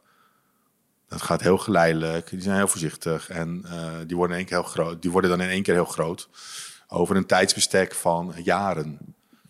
Ehm, die ontwikkelen zich. Maar als je daar te weinig aandacht aan hebt besteed, uh, of denkt van oh, dat onderzoekje is helemaal niet van belang, laten we doorsudderen. En iemand wordt zo groot um, en heb je zitten slapen.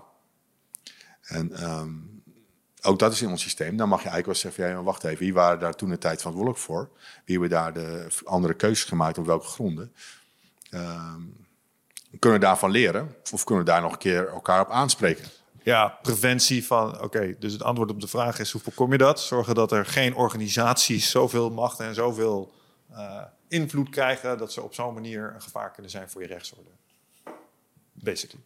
Ja, klopt. Ja. Ik, ik vraag me af of dat ook. Um, ik denk dat dat ook veranderd is over de loop der tijd probeer even, even terug te halen uit mijn geheugen waar dit relevant was. Maar er, staat me iets van bij dat volgens mij in de good old days, bijvoorbeeld in uh, Amerika, was het ook zo. Uh, volgens mij was dat met uh, mafiosi. Eh, als je gepakt was, was je gepakt. Fair game, weet je wel. Dus het was een bedrijfsrisico van hmm. crimineel zijn dat de politie achter je aankwam. Ja. Dat was binnen een soort professionele relatie bijna die je elkaar, bij elkaar had. Ja. En dat was ook een soort ja, eer, zeg maar, daarin. Um, en dat dat misschien over de loop der tijd ja, verhard is, minder is geworden. Of, um, maar volgens mij verhard dat, uh, is wat ik probeer te zeggen. Um, ja, denk ik ook. Maar...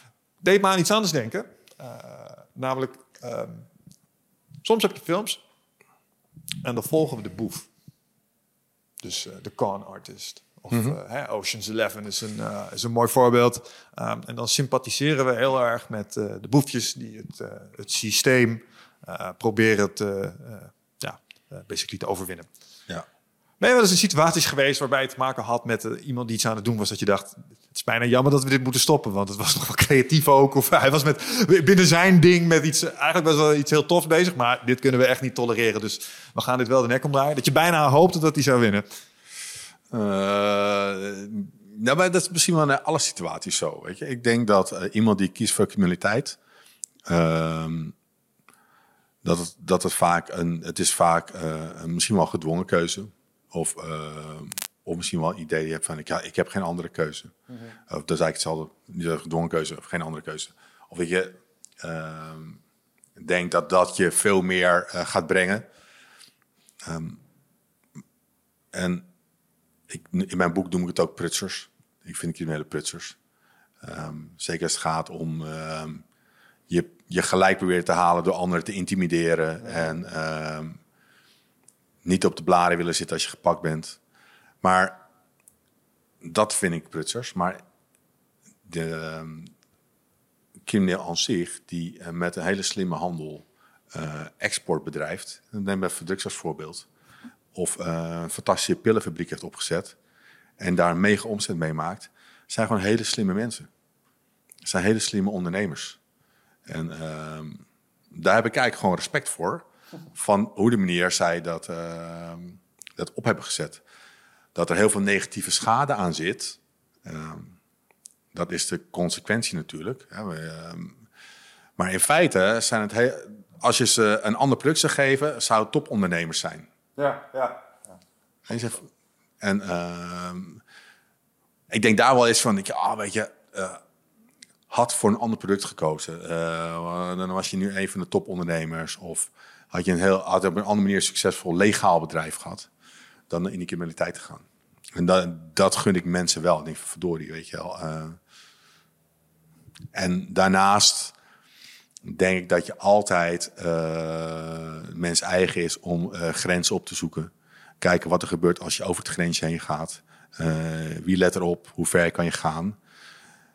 Weet je, tot je een tik op je vingers krijgt of niet. maar dat is het mens eigen. Dat ga je nooit wegnemen. En, maar dat maakt ook dat je elkaar constant uit blijft dagen. En dat er genoeg spanning is binnen een maatschappij. Um, van ja, waar, waar worden we nou met elkaar gelukkig van? Waar, waar liggen onze vrijheden? Waar liggen onze beperkingen? Ja. Ja, blijft, blijft fascinerend. Uh, Zeker. Cops en robbers. Ja. Um, soms denk ik wel eens dat als mensen, ja, net wat je zegt, eh, als ze andere keuzes hadden gemaakt in een ander domein, hadden we ze waarschijnlijk uh, uh, verheerlijkt. alleen nu omdat ze in het grijze circuit zitten. Ja. En, en, en, daar zit altijd een verhaal achter. Het is niet zomaar dat iemand zegt van uit de basis van ik heb er helemaal scheid aan, ik doe het lekker zo. Mm Nee, er zit een verhaal achter waarom je die keuze hebt gemaakt. Die is heel interessant. Waarom heeft iemand die keuze gemaakt om dat te doen? En um, als je daarop inzoomt en uh, zegt van nou weet je, misschien moet je je talent op andere vlakken gebruiken. Um, dat, dat is wel iets waar, um, wat, me, wat me triggert en boeit. Ja, en, en ik vind het dus soms ook dat ze toch eigenschappen hebben die het bewonderen waard zijn. Mhm. Ehm, ergens. Als het gaat om, um, nou ja, wat je zei, uh, intelligentie. Maar vaak zijn, uh, vooral als je mensen om je heen gaat organiseren om risico's te nemen, uh, dan moet je ook wel iets van charisma hebben. Want je krijgt mensen niet zomaar mee in dit soort dingen, denk ik. Nee, klopt. En zeker dat je moet enorm vertrouwen hebben dat je elkaar, uh, dat je geen informatie deelt. Dus je moet blind op elkaar kunnen vertrouwen. Of geen vragen stellen. En dus ja, het eigenlijk, eigenlijk bijna geoliede machine wat er, wat er draait. Ja. Weet je, maar dus dat, dat, op dat stukje ondernemerschap denk ik van wow, daar, ehm, dat boeit me. En heb ik een bepaalde vlakke bewondering voor. Um, maar als het om moord en doodslag gaat of het intimideren, eh, bedreigen van de mensen. Ja, nee. ja daar totaal geen respect voor brengen. Onacceptabel. En ja. ook zeker niet te tolereren nee. in dat opzicht. Dus iedereen moet zich gewoon veilig voelen in, zijn, uh, in dit land. En ik denk dat we in Nederland nog steeds best wel goed hebben in dat opzicht. Dus, Zeker, ja. ja. Absoluut. Hier hoef je niet met gewapende escorten, escorten van je hotel naar het strand. Dat is op nee, plek in de wereld nee. aan. Dus, ja. Oké. Hey, uh, iets waar ik het ook nog even met je over wilde hebben, um, waar je natuurlijk ook een rol in hebt gespeeld, is uh, Hunted uh, VIP's. Zat je ja. bij de technische recherche, zag ik staan. Um, wat is technische recherche? Of tactische recherche? Tactische recherche, ja. Wat is dat? nou, ik ben, ben je constant aan het onderzoeken. Dus ik, in het programma Hunted zit ik um, op headquarters. En eigenlijk alle aanwijzingen um, die er zijn over de voortvluchtige informatie probeert te koppelen, netwerk in kaart te brengen en aanknopingspuntjes te vinden ja, over de verblijfplaatsen van, uh, van de mensen. Ja, ik moet je bekennen, ik heb het programma uh, niet heel uh, uitvoerig uh, bekeken, maar kent het concept natuurlijk. Mm -hmm. voor de mensen die het ook niet kennen. Groep Nederlanders mag zich verstoppen voor een team hunters. En dat zijn allemaal mensen die al wel wat strepen verdiend hebben in opsporing. opsporing ja. ja. kunnen ze heel goed. Um, en het lukt jullie ook bijna om altijd om die, die mensen wel te pakken te krijgen. Uh, en ik denk dat het leuk is om daar misschien eens eventjes naar te kijken. Wat zijn de, de, de meest gemaakte fouten van de mensen die jullie voor proberen te blijven? Dus wat zijn de common rookie mistakes? True, ja. Ik denk al, ja, wat je toch wel ziet is van terugvallen op uh, uh, netwerken. Dus contact opnemen met vrienden, familie. Ehm, misschien wel verkeerd inschatten van situaties. Kijk, ik denk, en als je de mensen vraagt van, joh, kan jij drie weken lang op de vlucht blijven uh, en het handen van opsporingsteam, dat is een hele leuke uitdaging. Maar je wordt in één keer wel geconfronteerd met uh, dingen die je niet kan doen. Je wordt een beetje paranoïde van, ze zijn in de buurt, uh, in hun worden zwarte auto's gebruikt. Dus ieder zwarte auto die, uh, die je ziet rijden, denk je, ja, dit zijn de hunters. Terwijl we nog ineens met zoveel mensen zijn. Ja. maar ja, dus, uh, en dan, gaan, dan zie je uh, dat er fouten gemaakt worden. Of toch dat je gaat opvallen bij mensen die die daar melding van maken. eh, of die een tip willen geven. of de mensen zeggen, ja, maar weet je, eh, ik ken jou niet, je mag hier helemaal niet slapen. Ja, als je dus eh, ergens aan moet kloppen om te overnachten. ehm, en je komt misschien gestrest, gespannen, paranoïde over. Dat mensen eerder gaan zeggen van, ja, maar wacht even, eh, je komt niet binnen. Ja, en dan neemt die stress alleen maar toe.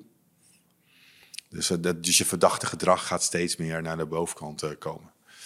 En het missen van, van sociale contacten of terugvallen in een omgeving die je kent, zijn misschien wel fouten die, die je wel veel terug ziet komen. Ik heb vast wel eens eh, nagedacht over hoe je het zelf zou doen. Stel je voor, je hebt nu uitgenodigd eh, in eh, Haunted Vips. Stel als het nog een keer komt, ik ga het niet verklappen. Hè? Nou, nee. is- maar dit, dit, dit- weet ik, het mak om aan de kant van de opsporing te zitten. Ik denk dat het gewoon hartstikke moeilijk is om met weinig middelen je probeert te verstoppen in Nederland.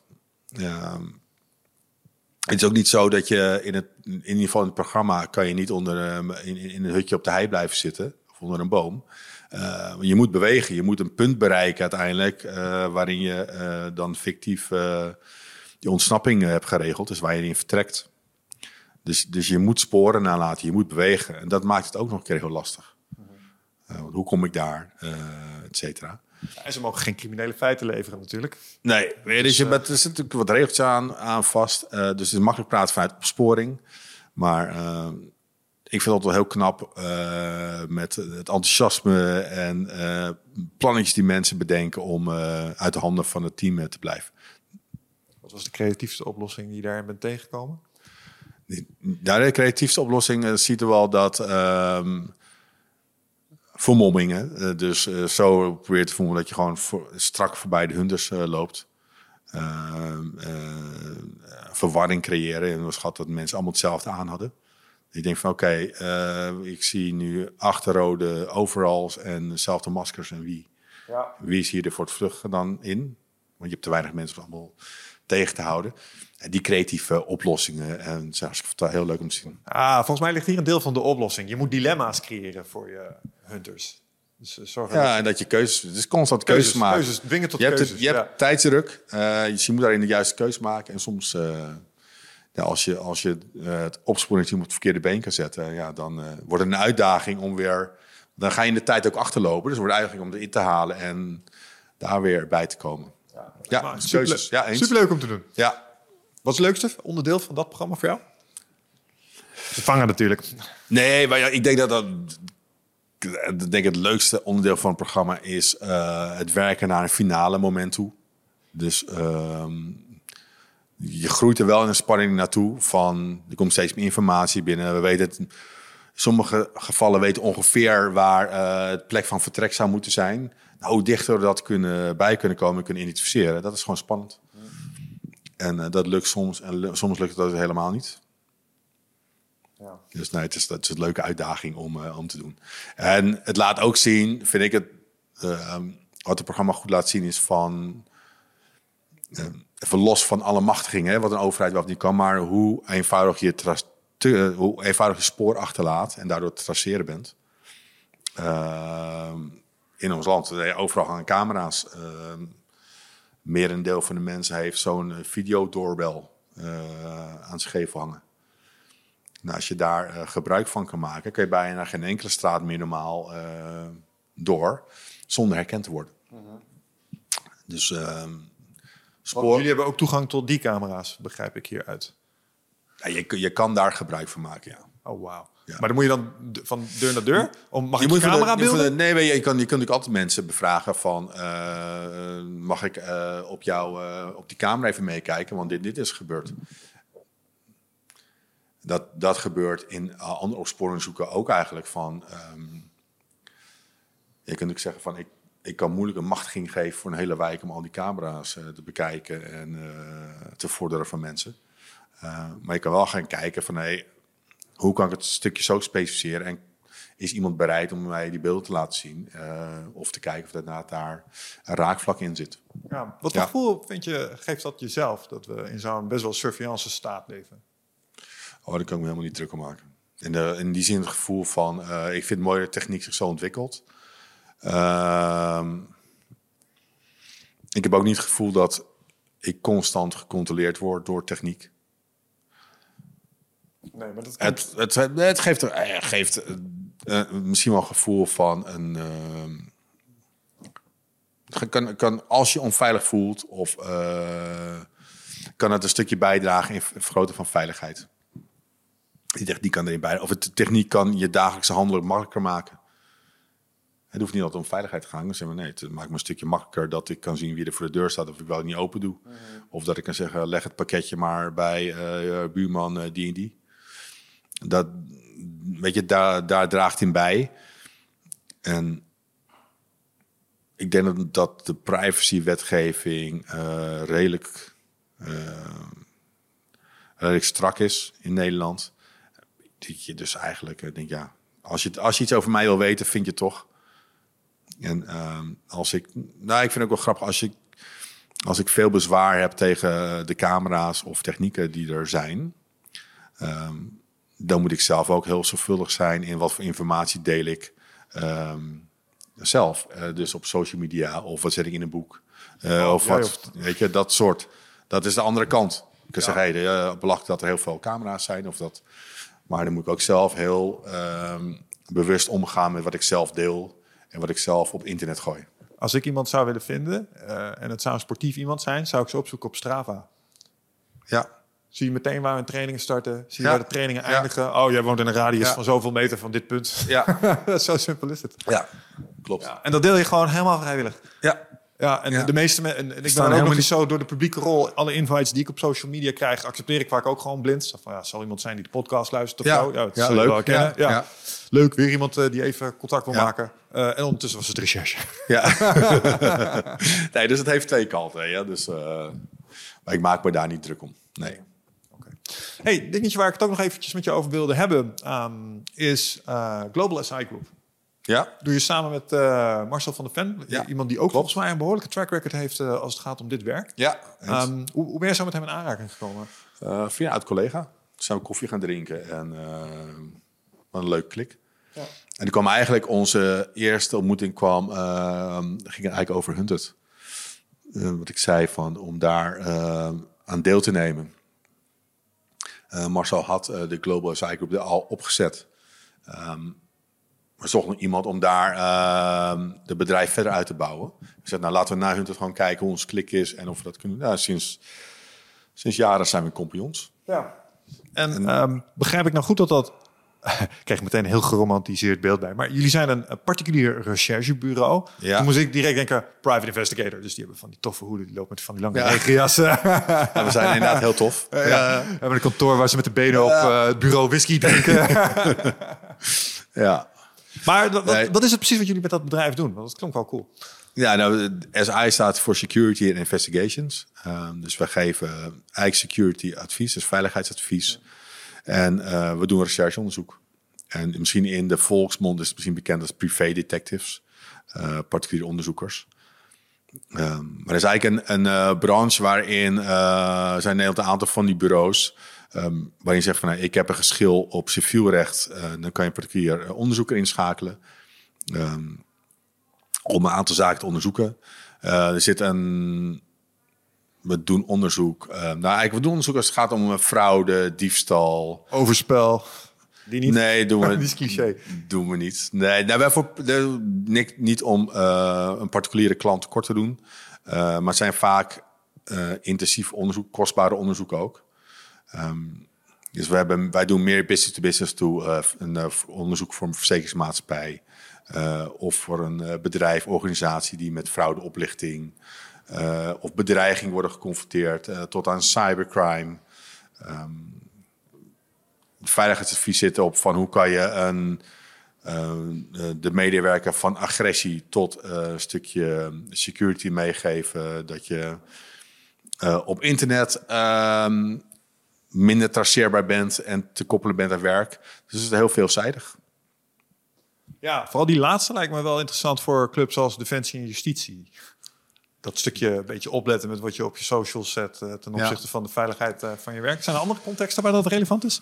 Ehm, ja, we kijken. de- naast de SI-groep hebben we ook nog de TC-groep. Dat is training en coaching.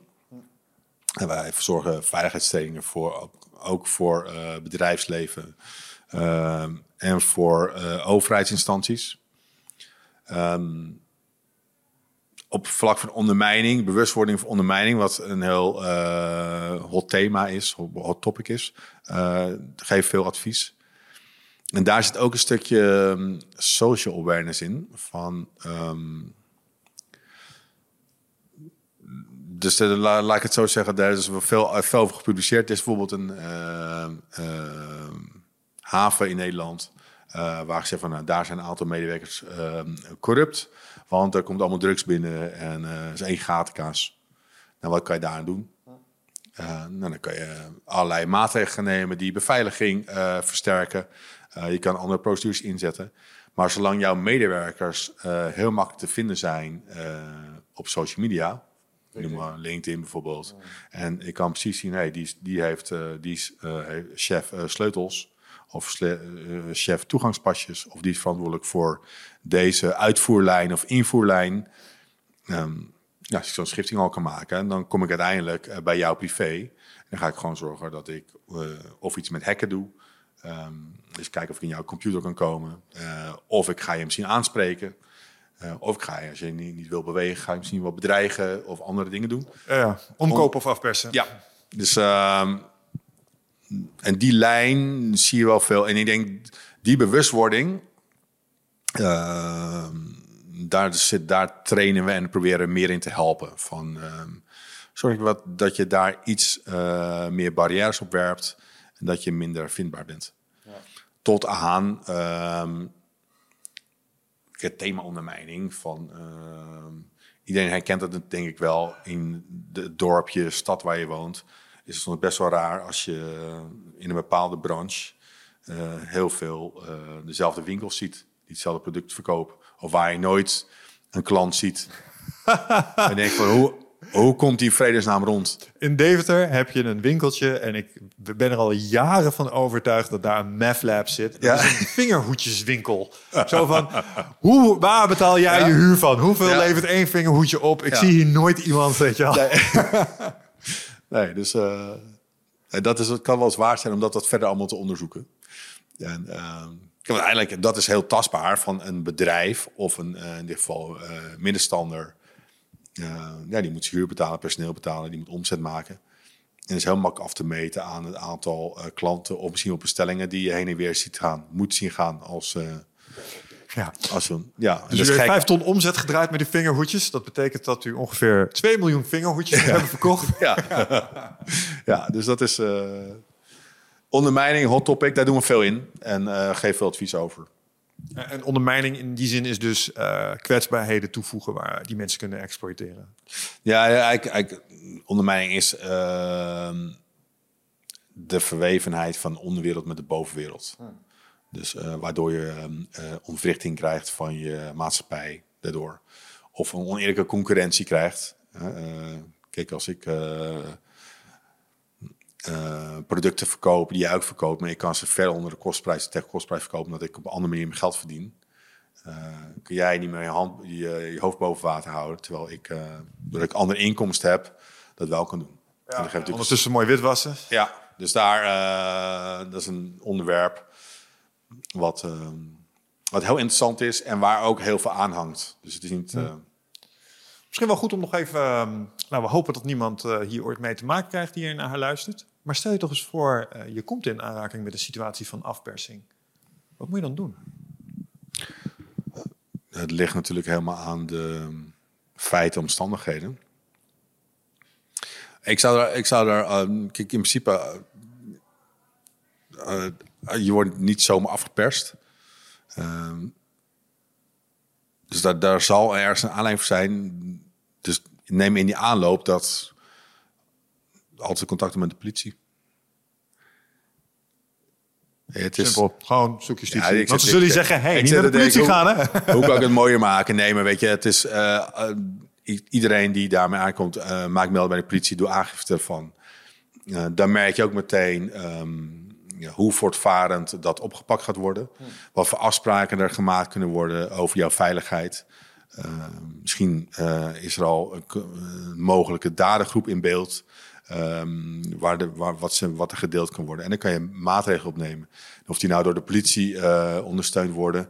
Maar je kan, zou, zou kunnen zeggen, schakel dan ons bureau in door een, dat wij extra camera's voor je op kunnen hangen. of misschien wel een observatie kunnen uitvoeren. Tot aan een noodknop kunnen meegeven. Dat je alarmlijnen heel snel kan, kan inschakelen. En, um, maar laat vooral het onderzoek, doe aangifte bij de politie. Ja. Ja, man. Ja de gebaande wegen volgen, jongens. Ja, ja, nee, ja. Nee, kijk, en die worden niet uh, daarom. Uh, die onderzoeken, ben je tot afhankelijk van hoe, wat, wat wordt, wordt de onderzoeksnelheid. Ja, maar je kan tussentijds altijd andere maatregelen en beschermings, uh, veiligheid, maatregelen toepassen die, uh, nee, die met ondersteuning van bijvoorbeeld een ander bureau, een recherchebureau, kan, kan doen. Ja. Ja. Oké. Okay. Um, laatste dingetje um, wat ik nog eventjes uh, aan je zou willen vragen. Um, komen we eventjes terug bij het begin. Ik, ik zei je al, uh, we gaan een mooie poster voor je regelen. En uh, als het goed is, was de uitgekozen quote die je daarvoor had gekozen, was inderdaad je kadaver, toch? Ja. ja. Waarom die quote? Ik, vind, ik vind gewoon een fantastische quote die, die, die een stukje rauwheid heeft, maar eigenlijk heel veel omvat. Hij komt vanuit de defensiehoek van Mark Pallen van scherp, scherpschutters. Maar het mooie daarvan vind ik, um, heeft twee, twee elementen. Soms kan je lichaam veel meer dan je denkt. Een stukje doorzetten. Het geeft ook een stukje weer van, ja, nu niet zeiken, maar gewoon doorgaan. zet je schouders eronder. Um, en al denk je, ik kan niet meer, uh, mentaal kan je ook vaak meer. Dus het zit een stukje in van mentaal, fysiek. En een stukje van, ja, nu, nu is het even klaar, nu moeten we actie ondernemen en paar stappen maken. En um, ik denk dat Ramon met je daar een mooi... Zo'n mooie, mooie mantra is. ja. ja. ja. En, en is, dat, um, is dat ook het cruciale component als het gaat om presteren onder druk? voor jou? Want je zei net iets heel moois van, joh, soms is het gewoon, kan je wel klagen, maar nu moet het gewoon even. Dus uh, rammen met je kadaver. Dus concentreer je op de taken, voer die uit. Ja, op een gegeven moment, uh, geef het, moet je naar je doel. Je moet je doel gaan bereiken. En, je hebt, en als je dan besloten hebt van, nee, op die manier gaan we ervoor, dan ga er ook voor. Nu of ja. nooit, zei ze dan uh, bij ja. KST. Klopt. Mooi. Dankjewel, man. Ja, ook bedankt. Ik vond het echt een leuk gesprek. Ik ook. Ja, veel opgestoken. En uh, nou ja, ik, ik, denk dat we uh, rustig nog langer uh, hadden kunnen doorkletsen. Dus als je het leuk vindt, kan je wat mij betreft nog een keer terugkomen. En dan leuk. Doen zetten we deze voort wat mij betreft. Um, voor nu in ieder geval bedankt voor je tijd en energie. Um, als mensen iets meer over jou zouden willen weten, wat is dan jouw voorkeurskanaal voor contact? Oh ja, je kan, je kan altijd op ehm, mijn website kijken uh, www.jeroenderijken.nl. Uh, of mijn boek lezen, Onder Druk. Nu verkrijgbaar bij bol.com. Go check it out. ja, en, uh, daar, daar zijn ook uh, mailcontacten in, et cetera. Dus van harte welkom als mensen meer willen weten. Te gek. Nogmaals, dankjewel en doe de groeten aan Martijn. Zeker, doe Luisteraars, tot de volgende keer. Dankjewel. Dankjewel. Ciao.